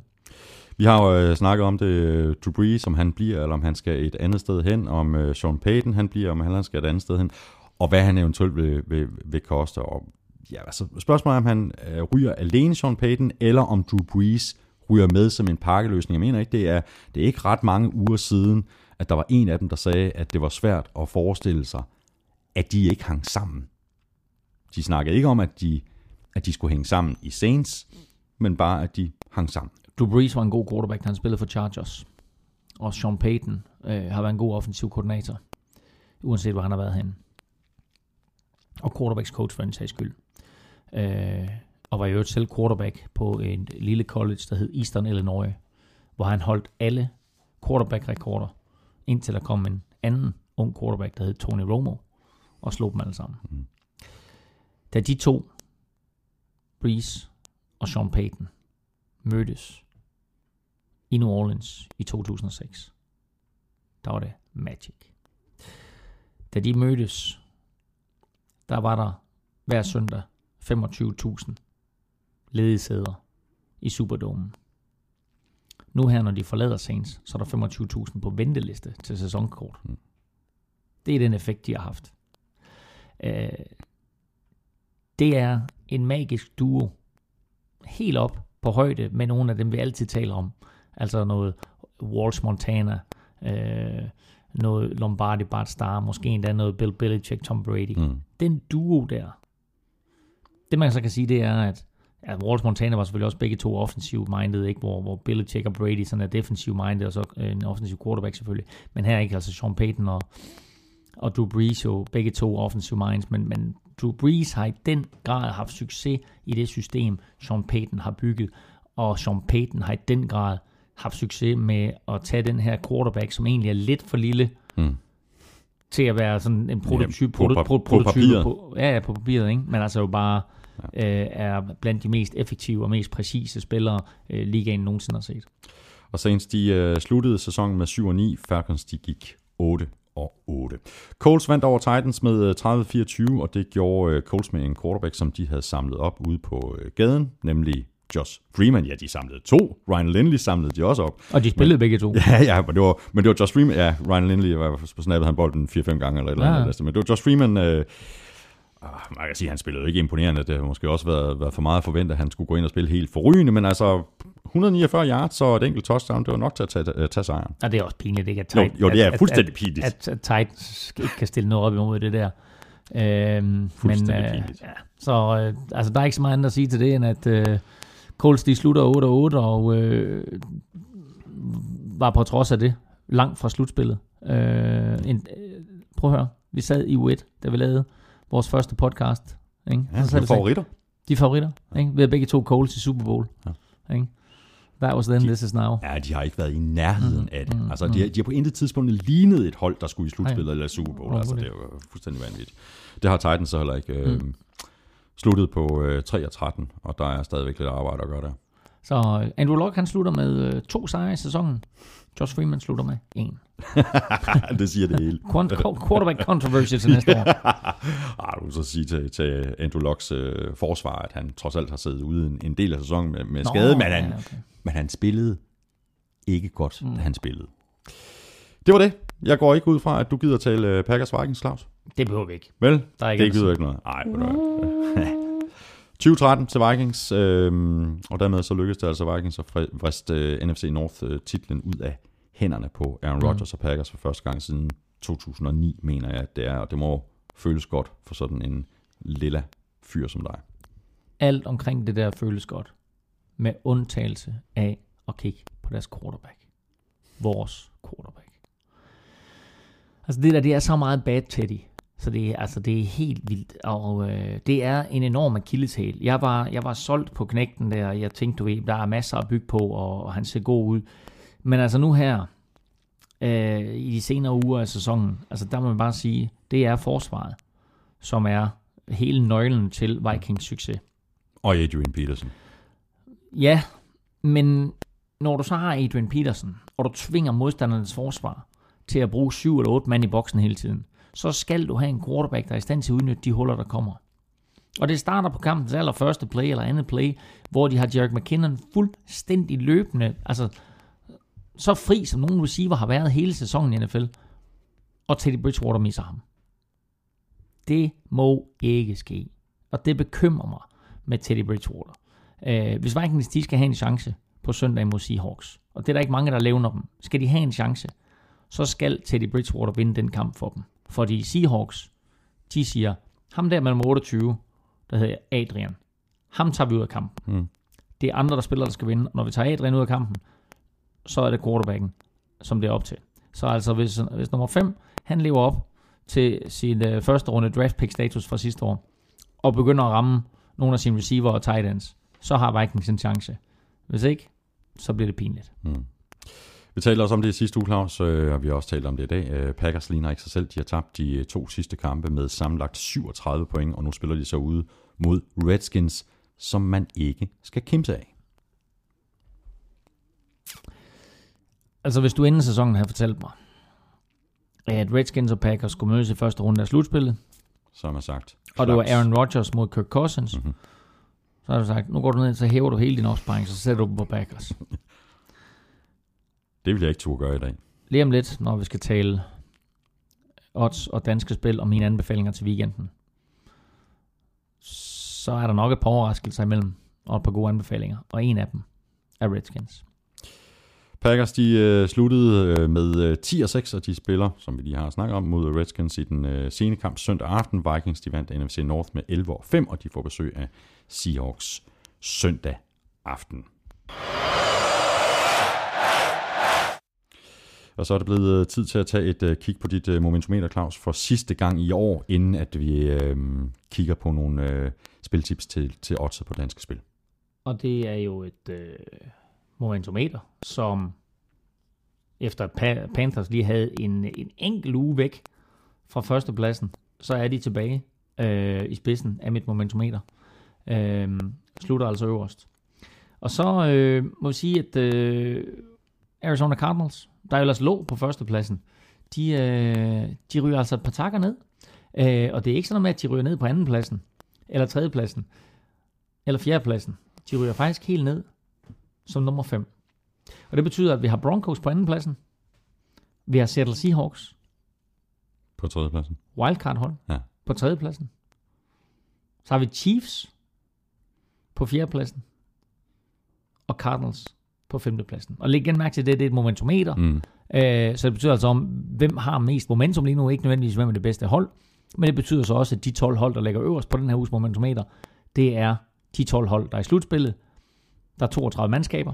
I den her uge, der er der et hold på 33. pladsen. Og i skammekrogen, og du får et gæt på, hvem det er. New York fucking Jets. Ja, det var også skidt, ikke? Det var bare skidt. Jeg kunne faktisk godt tænke mig at, øh, at, at spørge dig nu, hvor vi har fat i dit uh, momentometer, Claus. Hvilket hold er det stærkeste lige nu? Altså hvis vi forestiller os, at alle de her, at de her slutspilshold, mm. hvis de skulle, øh, man, der skulle laves en turnering, hvor de kunne øh, spille mod hinanden på kryds og tværs mm. på neutral grund. Mm. Hvilket hold er så stærkest? Jeg har et klart bud. Lige nu. Seattle Seahawks. Jeg er fuldstændig enig. Ja. Jeg er fuldstændig enig. De ser skræmmende stærke ud ja. På vejen i slutspillet. Tillykke jamen, med det som Vikings jamen, øh, jeg, jeg er glad for, at du endelig er kommet dertil. Fordi jeg kan da huske midt i sæsonen, hvor jeg blev ved med at sige Seattle Seahawks. Og jeg ja, men der tvivlede jeg på dem. Jamen, der du... tvivlede jeg på dem, det endnu mig. Men det var på grund af deres O-line. At det var, der, var, der var så mange ting, som jeg ikke synes var i synk. Det var det jo heller ikke i den første halvdel af sæsonen. ved, ved, ved du, hvornår det her Seahawks-angreb det blev rigtig, rigtig godt? Nu. Jamen ved du, hvornår det blev det? Det blev det, da Jimmy Graham han blev skadet. Ja, det er mærkeligt, ikke? Hvad er det underligt, men det er rigtigt. De kom tilbage ja. til det angreb, de havde haft før. Og du ved, jeg var, jeg var en af dem der, der sagde, hvor er det vildt, ikke? Jimmy Graham til Seattle Seahawks, det er det sidste store våben, de mangler mm, for at blive mm, ustoppelige. Mm. Og så endte det med, at han blev en hemsko for dem. Ja. Så nu i stedet for, med ham ude, så er det igen Russell Wilsons show. Øh, og lad os nu se, hvad der sker, når Marshawn Lynch han kommer tilbage. Ja. Med, og så må vi jo tage hatten af også for Doug Baldwin, og så selvfølgelig det der forsvar der, som jo også startede svagt ud. Tænk tilbage. Cam Chancellor sad ude de første to uger, ja. ikke? var uenig i sin kontrakt. Og så tabte Seahawks to gange, og så sagde Cam Chancellor mere eller mindre offentligt undskyld til sine holdkammerater. Ja, okay, I'm, com- ja. I'm coming home to help you guys. ja, og det gjorde han så. Ja, ja. ja. Så, så umiddelbart ja, uh, Seattle Seahawks, det stærkeste hold i NFL lige nu. Og uh, Claus' momentometer, jamen der kan du se uh, resten af det inde på gulklyd.dk, hvor du har fået top 5, og så også uh, hvilke hold, der ligger i bunden. Lige om lidt, øh, der tager vi et øh, kig på, på wildcard-runden, Claus, men først der skal vi lige omkring øh, odds på danske spillere have placeret nogle penge. Dine bud i sidste uge var Rams ud over 49ers til odds 1,62. Ikke så meget. Vikings ude over Packers til odds 2,50. Og 3,25 på en uh, Raiders-sejr over Chiefs, den gik så heller ikke. Så endnu en uge med et uh, lille tab blev det til. Uh, 30 kroner ud, 25 kroner ind. Samlet har jeg nu spillet for 560 kroner, og jeg har vundet 531 kroner og 30 øre. Så var du nede så 30 8, 28 kroner og 70 øre må det blive, ikke? Nu går vi ind i slutspillet, og jeg er ikke det mindste nervøs. Mm. det er her, du er stærk. Det er her, jeg er stærk. Jeg plejer faktisk altid at være stærk i, i slutspillet, ikke mindst til Super Bowl. Øhm, og normalt så giver dig kun tre spiltips. Men oh. jeg, gør det, jeg gør det her, fordi det er en lidt speciel weekend. Jo, du får tre spiltips til lørdag, og du får tre spiltips til søndag. Det er i orden. Godt. Jeg har fået, fået lov til at, at spille dobbelt op øh, af, af, konen, af konen tidligere, tidligere på sæsonen. Ikke? Så det tror jeg får, får, får lov til igen. Ikke? Det er jo store ja. beløb, jeg spiller for. Det er det. Det, er, det, det, er, det, er, det, er, det, er, det, Ja, præcis. Øh, Danske Spil, de har en, øh, en hel del specials derinde øh, til både lørdag og til søndag omkring for eksempel hvilke quarterbacks kaster for flest yards, hvilke receiver griber flest yards, hvilke øh, running backs løber for flest yards, bliver der scoret safety, bliver der brændt ekstra point, etc. etc. Øh, så gå ind og tjek nogle af dem. Øh, jeg har en special øh, til lørdag, jeg har en special til søndag, og special til lørdag hedder, der er fire quarterbacks i aktion lørdag. Og nu, nu kommer der jo en lille sjov statistik her. Det her, det kommer du til at blive meget fundet over. Okay. Og, og, og det gør du også, der, der sidder og lytter med derhjemme nu. AJ McCarron er quarterback for Cincinnati Bengals. Hvad står AJ for? Det ved jeg ikke. Ved du, hvad han hedder til fornavn? nej. Han hedder Raymond Anthony. Og det er blevet til AJ? Jeg ved ikke, hvordan det er blevet til AJ. Men AJ McCarron, han hedder Raymond Anthony. Nå. Der er fire quarterbacks i aktion. Lørdag. Det er Big Ben. Det er Brian Hoyer. Det er Alex Smith. Og så er det Raymond Anthony McCarron. Hvis Big Ben han kaster flest yards af alle dem, så er der 1,75 igen.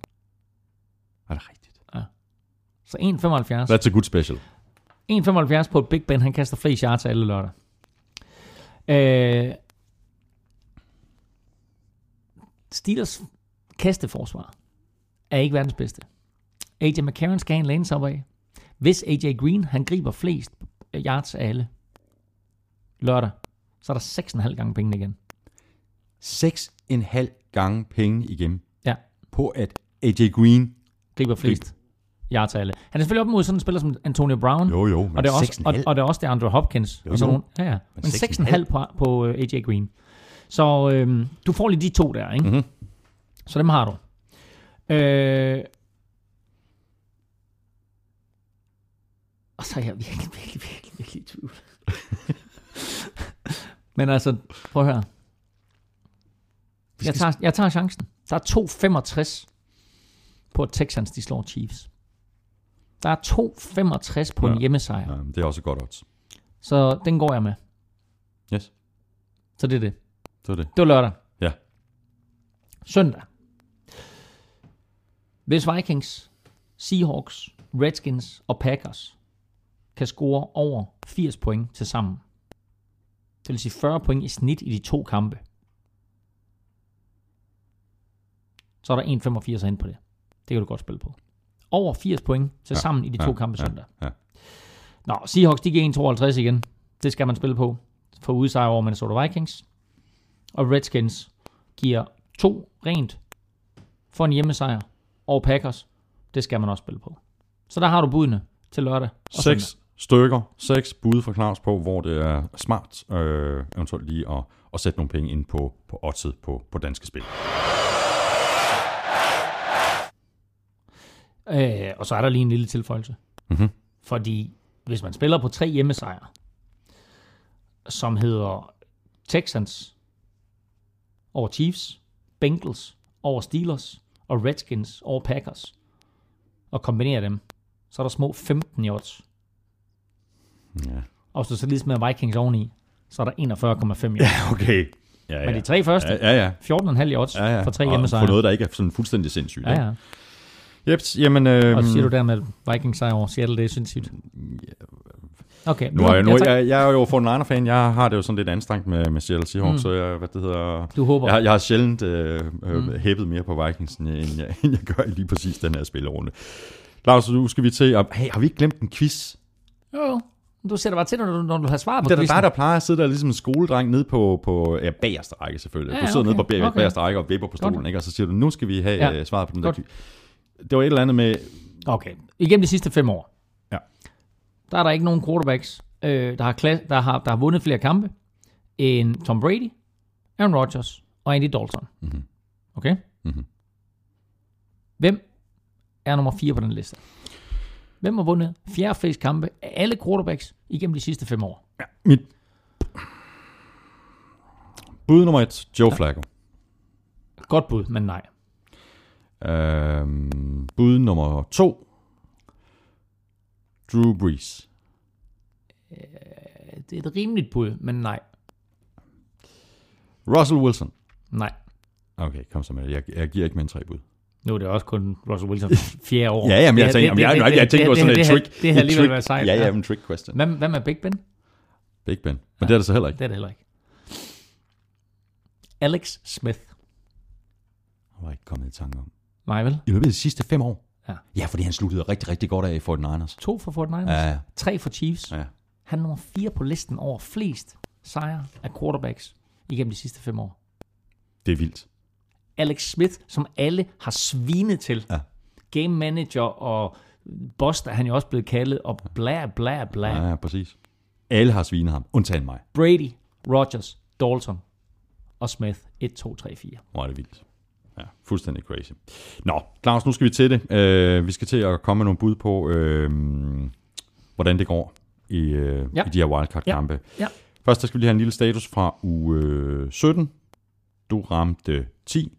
Igen flot. Ej, jeg er så træt når du siger det der. Jeg bliver så sur på dig. Jeg ramte 11. Ej, det, det er alligevel det er godt gået. Så nu er jeg foran med øh, 10. 157-147. Du får med 10. Ved du, hvor mange kampe der er i slutspillet? Ja, du kan lige akkurat nå er det. ikke? 11. Ja, du kan lige akkurat nå det. Jamen, øh, godt. Vi, øh, vi lægger ud med øh, Bengals Steelers. Hold op, hvor er jeg i tvivl om de her kampe. Mm. Men jeg siger, sti- ja, jeg siger, sti- jeg siger Steelers. Jeg er nødt til at sige- bare sige modsat af dig. Ej, sig det, du... Øh, Ja, Bengals. godt. Texans Chiefs. Texans. Ja, jeg siger også Texans. Nej, Jamen, det gør jeg. det er urimeligt. Vikings Seahawks. Så må du sige Vikings, for jeg siger Seahawks. Pisse Gå nu med hjertet. Gå nu med hjertet. Seahawks. Det er ikke hjertet, det der. Nej, Redskins Packers. Redskins. Jeg siger også Redskins. Mm. Tak for det, Elving.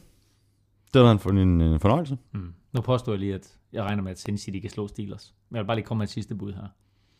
Seattle Seahawks imod Pittsburgh Steelers i Super Bowl giver lige nu ind på dansk spil odds 30.